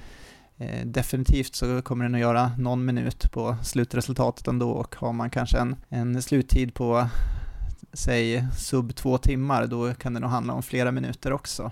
Och ju längre man är ute i den där värmen, precis som du är inne på, så då påverkar ju påverkar det mer, får man tänka ännu mer på nedkylning? Och även på 5000 meter på VM, då var det i och för sig extremt varmt, men även där så fick de ju springa ut på banan där och ta svampar med kallt vatten och eh, Jakob Ingebrigtsen både drack vatten och hällde vatten över sig eh, på en så kort sträcka och med en så kort arbets arbetstid som 13 minuter. Så att eh, då förstår man ju själv hur mycket det ändå kan påverka under ett halvmaraton. Och det ska man väl också tänka på då såklart Eh, vätska och eh, ja, kanske helst sportdryck under loppet. Eh, beror lite på hur länge man ska vara ute eh, och exakt hur varmt det blir. Men, ehm, men i alla fall dricka på flera stationer tänker jag som det är nu. I alla fall kanske 5, 10, 15 och sen kanske man har åtminstone två gels med sig också.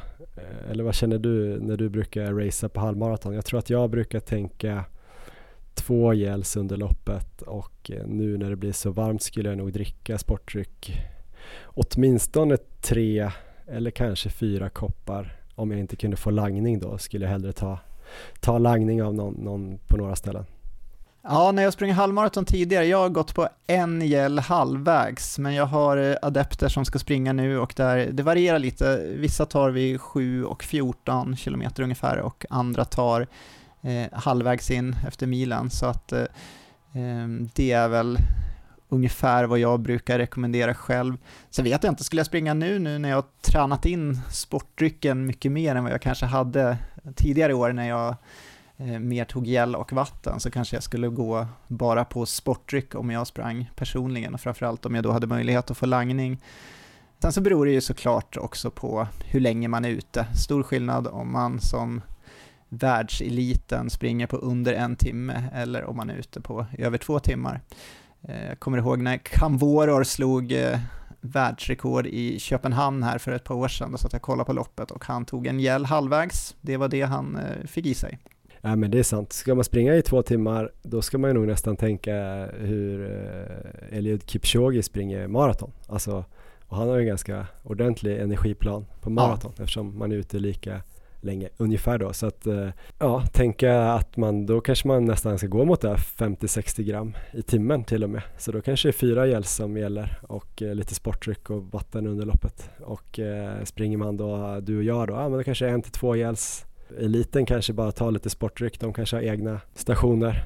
Eh, jag vet att vissa vanligtvis då, eller om det kanske är 10 grader och man springer runt en timme, då kanske man skippar det för att tiden man kanske tjänar eller energin man får eh, så man kan springa lite fortare då kanske tappar man på att man ska springa och dricka liksom. Så att någonstans kanske inte är så mycket värt om man springer på en timme. Men jag tror på lördag kommer nog eliten i alla fall dricka det kan ni kolla också på uh, antingen om ni är ute och kollar på loppet om de dricker. Annars kan ni kolla på uh, en livestream på Runners World. Så kan ni se det här loppet Stockholm halvmaraton. Det, det, kommer släppas en länk på Runners Worlds hemsida då uh, och i sociala medier fredag kväll eller lördag förmiddag. Det är också kul att följa loppet för det är ju finalen i den här Adidas-touren Eh, det är ju just nu Diego Estrada som leder på här sidan den här touren för eh, Kristoffer Lås och David Nilsson. På damsidan är det ju så att Hanna Lindholm leder för eh, Malin Starfelt och Mikael Arvidsson. Alla de här som jag räknat upp är anmälda till loppet. Även Johanna Bäcklund ska ju springa, hon är fyra i touren och Axel Djurberg är fyra på herrtouren. Så det är är många som är med och slåss om viktiga poäng. Eh, min gissning, Erik, är ju ändå att eh, om Hanna Lindholm har återhämtat sig efter en mara som hon vann här i söndags, den här Göteborgsvarvetsmaran, eh, jubileumsmaran där, så kommer väl hon eh, antagligen vinna loppet och säkra eh, torsegern. Och eh, om Diego Estrada är på startlinjen på topp så eh, kommer det vara otroligt kul att eh, följa honom och han kommer ju garanterat vinna. Eller vad säger du? Ja, jag håller med. Hanna återhämtar sig alltid efter lopp, kan man nästan säga. Och när hon sprang i Göteborg så var det ju ändå på en för henne relativt långsam tid, så att det var väl som ett eh, hårt långpass kanske. Så att eh, jag tror hon står på startlinjen i fullt slag och då blir hon extremt svårslagen. Och samma sak med Diego, jag var oerhört imponerad på premiärhalvan när han eh, vann överlägset där. Så att det ska bli roligt att se vilket slag han är i nu. Så att jag hoppas verkligen att han kommer till start också. Och där bakom så blir det tuffare, så där blir det en rolig kamp att följa om dels eh, pallplatserna i Stockholm halvmaraton men även i touren. Vill du ha ett smakprov hur bra Diego Estrada är just nu? Ja, gärna. Han eh, har sprungit, vet jag, 4 gånger 4 kilometer med två minuters vila. 2.54 snitt, 2.52, 2.53, 2.53. Laktat eh, med lite under mjölksyragränsen där, 3,6. Så ganska bra form. Har du koll på vad det blir på halvmaran? Det blir väldigt, väldigt snabbt. Ja. Alltså det här passet så ser det ut som att han gjorde 16 kilometer i, i 3.00 fart då totalt. Eh, det är ju väldigt snabbt på ett pass så att eh, han blir nog svår att slå säger jag. Det är väl David som är i närheten, en David i full form och jag vet inte ens eh, hundra om han kommer springa på, på lördag. Men han har ju lite poäng att försvara i den här touren så han kanske dyker upp. Men eh, ja, Diego kommer nog kontrollera det där loppet. Mm. Och de som inte har koll på Diego, då kan man ju gå tillbaka till ett av våra första avsnitt eh, under det här året, när vi har med en lång intervju med Diego där. Mm, väldigt spännande att höra om dels hans träning och hans ambitioner här framåt OS i Paris nästa år. Ja just det, det var avsnitt 154. Det var inte så tidigt i år Erik. Det var 18 april som det kom ut men eh, relativt tidigt. Lyssna på det. Ja men Erik, nu tycker jag att jag hörde lite eh, trädgårdsarbete där utanför ja. din, ditt fönster så vi kanske ska avrunda lite grann. Eh, vi ska prata lite kort om vad som händer framöver men jag vill också veta om du kommer springa Stockholm halvmaraton på lördag. Jag tror tyvärr att jag inte kommer till start nu med tanke på hälsenan. Det känns lite onödigt att eh, ta risker nu så här i när jag har ett eh, helt annat mål framför mig. Så att, det, det beror väl lite på hur det känns här under veckan om eh, hälsenan kanske helt blir bra, då kanske jag ändå kommer till start och farthåller på något sätt. Men just nu så gissar jag att jag står på sidan och hejar istället. Jag pratade i förra avsnittet om att jag skulle farthålla för sub 1.20, men det kan jag nog säga på en gång att så fort kommer jag inte våga springa i alla fall. Men du står på start Johan, och vad, vad går du för? Jag vet inte, jag börjar mer och mer tänka att jag kanske ska springa med Kajsa Borman lite grann. Kul! Jag funderar på det. Sandra har ju någon en kompis, Julia Rennermalm, som hon ska ha som lite personlig hare. Plus att hon ska väl springa lite med en 45-hararna. Jag tänker kanske att eh, det har varit så mycket fram och tillbaka med Kajsa här. Nu ska vi inte nämna vristen, men det har ju varit en, en resa. Hon har ju kämpat på så jävla bra så att eh, kanske att hon förtjänar eh, lite, jag vet inte om jag ska kalla mig själv för lyxhare för det låter ju eh, förmätet. Men eh, ja, kanske att jag springer med henne. Vad tycker du? Det tycker jag. Det tycker jag definitivt du ska göra och det tycker jag Kajsa har förtjänat att få ha en, en personlig hare säger vi då. Ja, nej men vi snackade ju också där om att eventuellt du och jag ska springa för, för sub 80 tillsammans. Då försvinner ju den grejen lite grann kanske. Då undrar jag om det Eh, är kanske mest värt att, att försöka hjälpa henne då om jag skulle kunna göra det. Eller eventuellt springa runt fyra fart då. Ja, vi får se, men det kanske blir en sån harning på sub 90. Ni kan väl kolla lite på Instagram här under veckan så lägger vi i sådana fall upp någonting där för då kan ju andra också såklart hänga med. Men då ska ni inte fråga Kajsa om vristen under loppet. Då får ni bara ligga där bakom och och inspektera den på avstånd. Och du kanske, nu ska inte jag säga vad du ska göra, men, men, men femfart med, med Sandra borde ju inte heller vara helt orimligt eh, annars om det känns okej. Okay. Eller så får det vara stjärnreporter vid målet. Ja, eh, något av det. först och sen eh, vara reporter. Vi får se. Annars då Erik, då vet vi vad du ska göra varje vecka fram till Taiwan. Det är de här fem gånger fem milen, måndag till fredag. Ja. Styrka varje dag plus ett större styrkepass lördag och så kvalitetspass söndag. Något annat du vill tillägga där?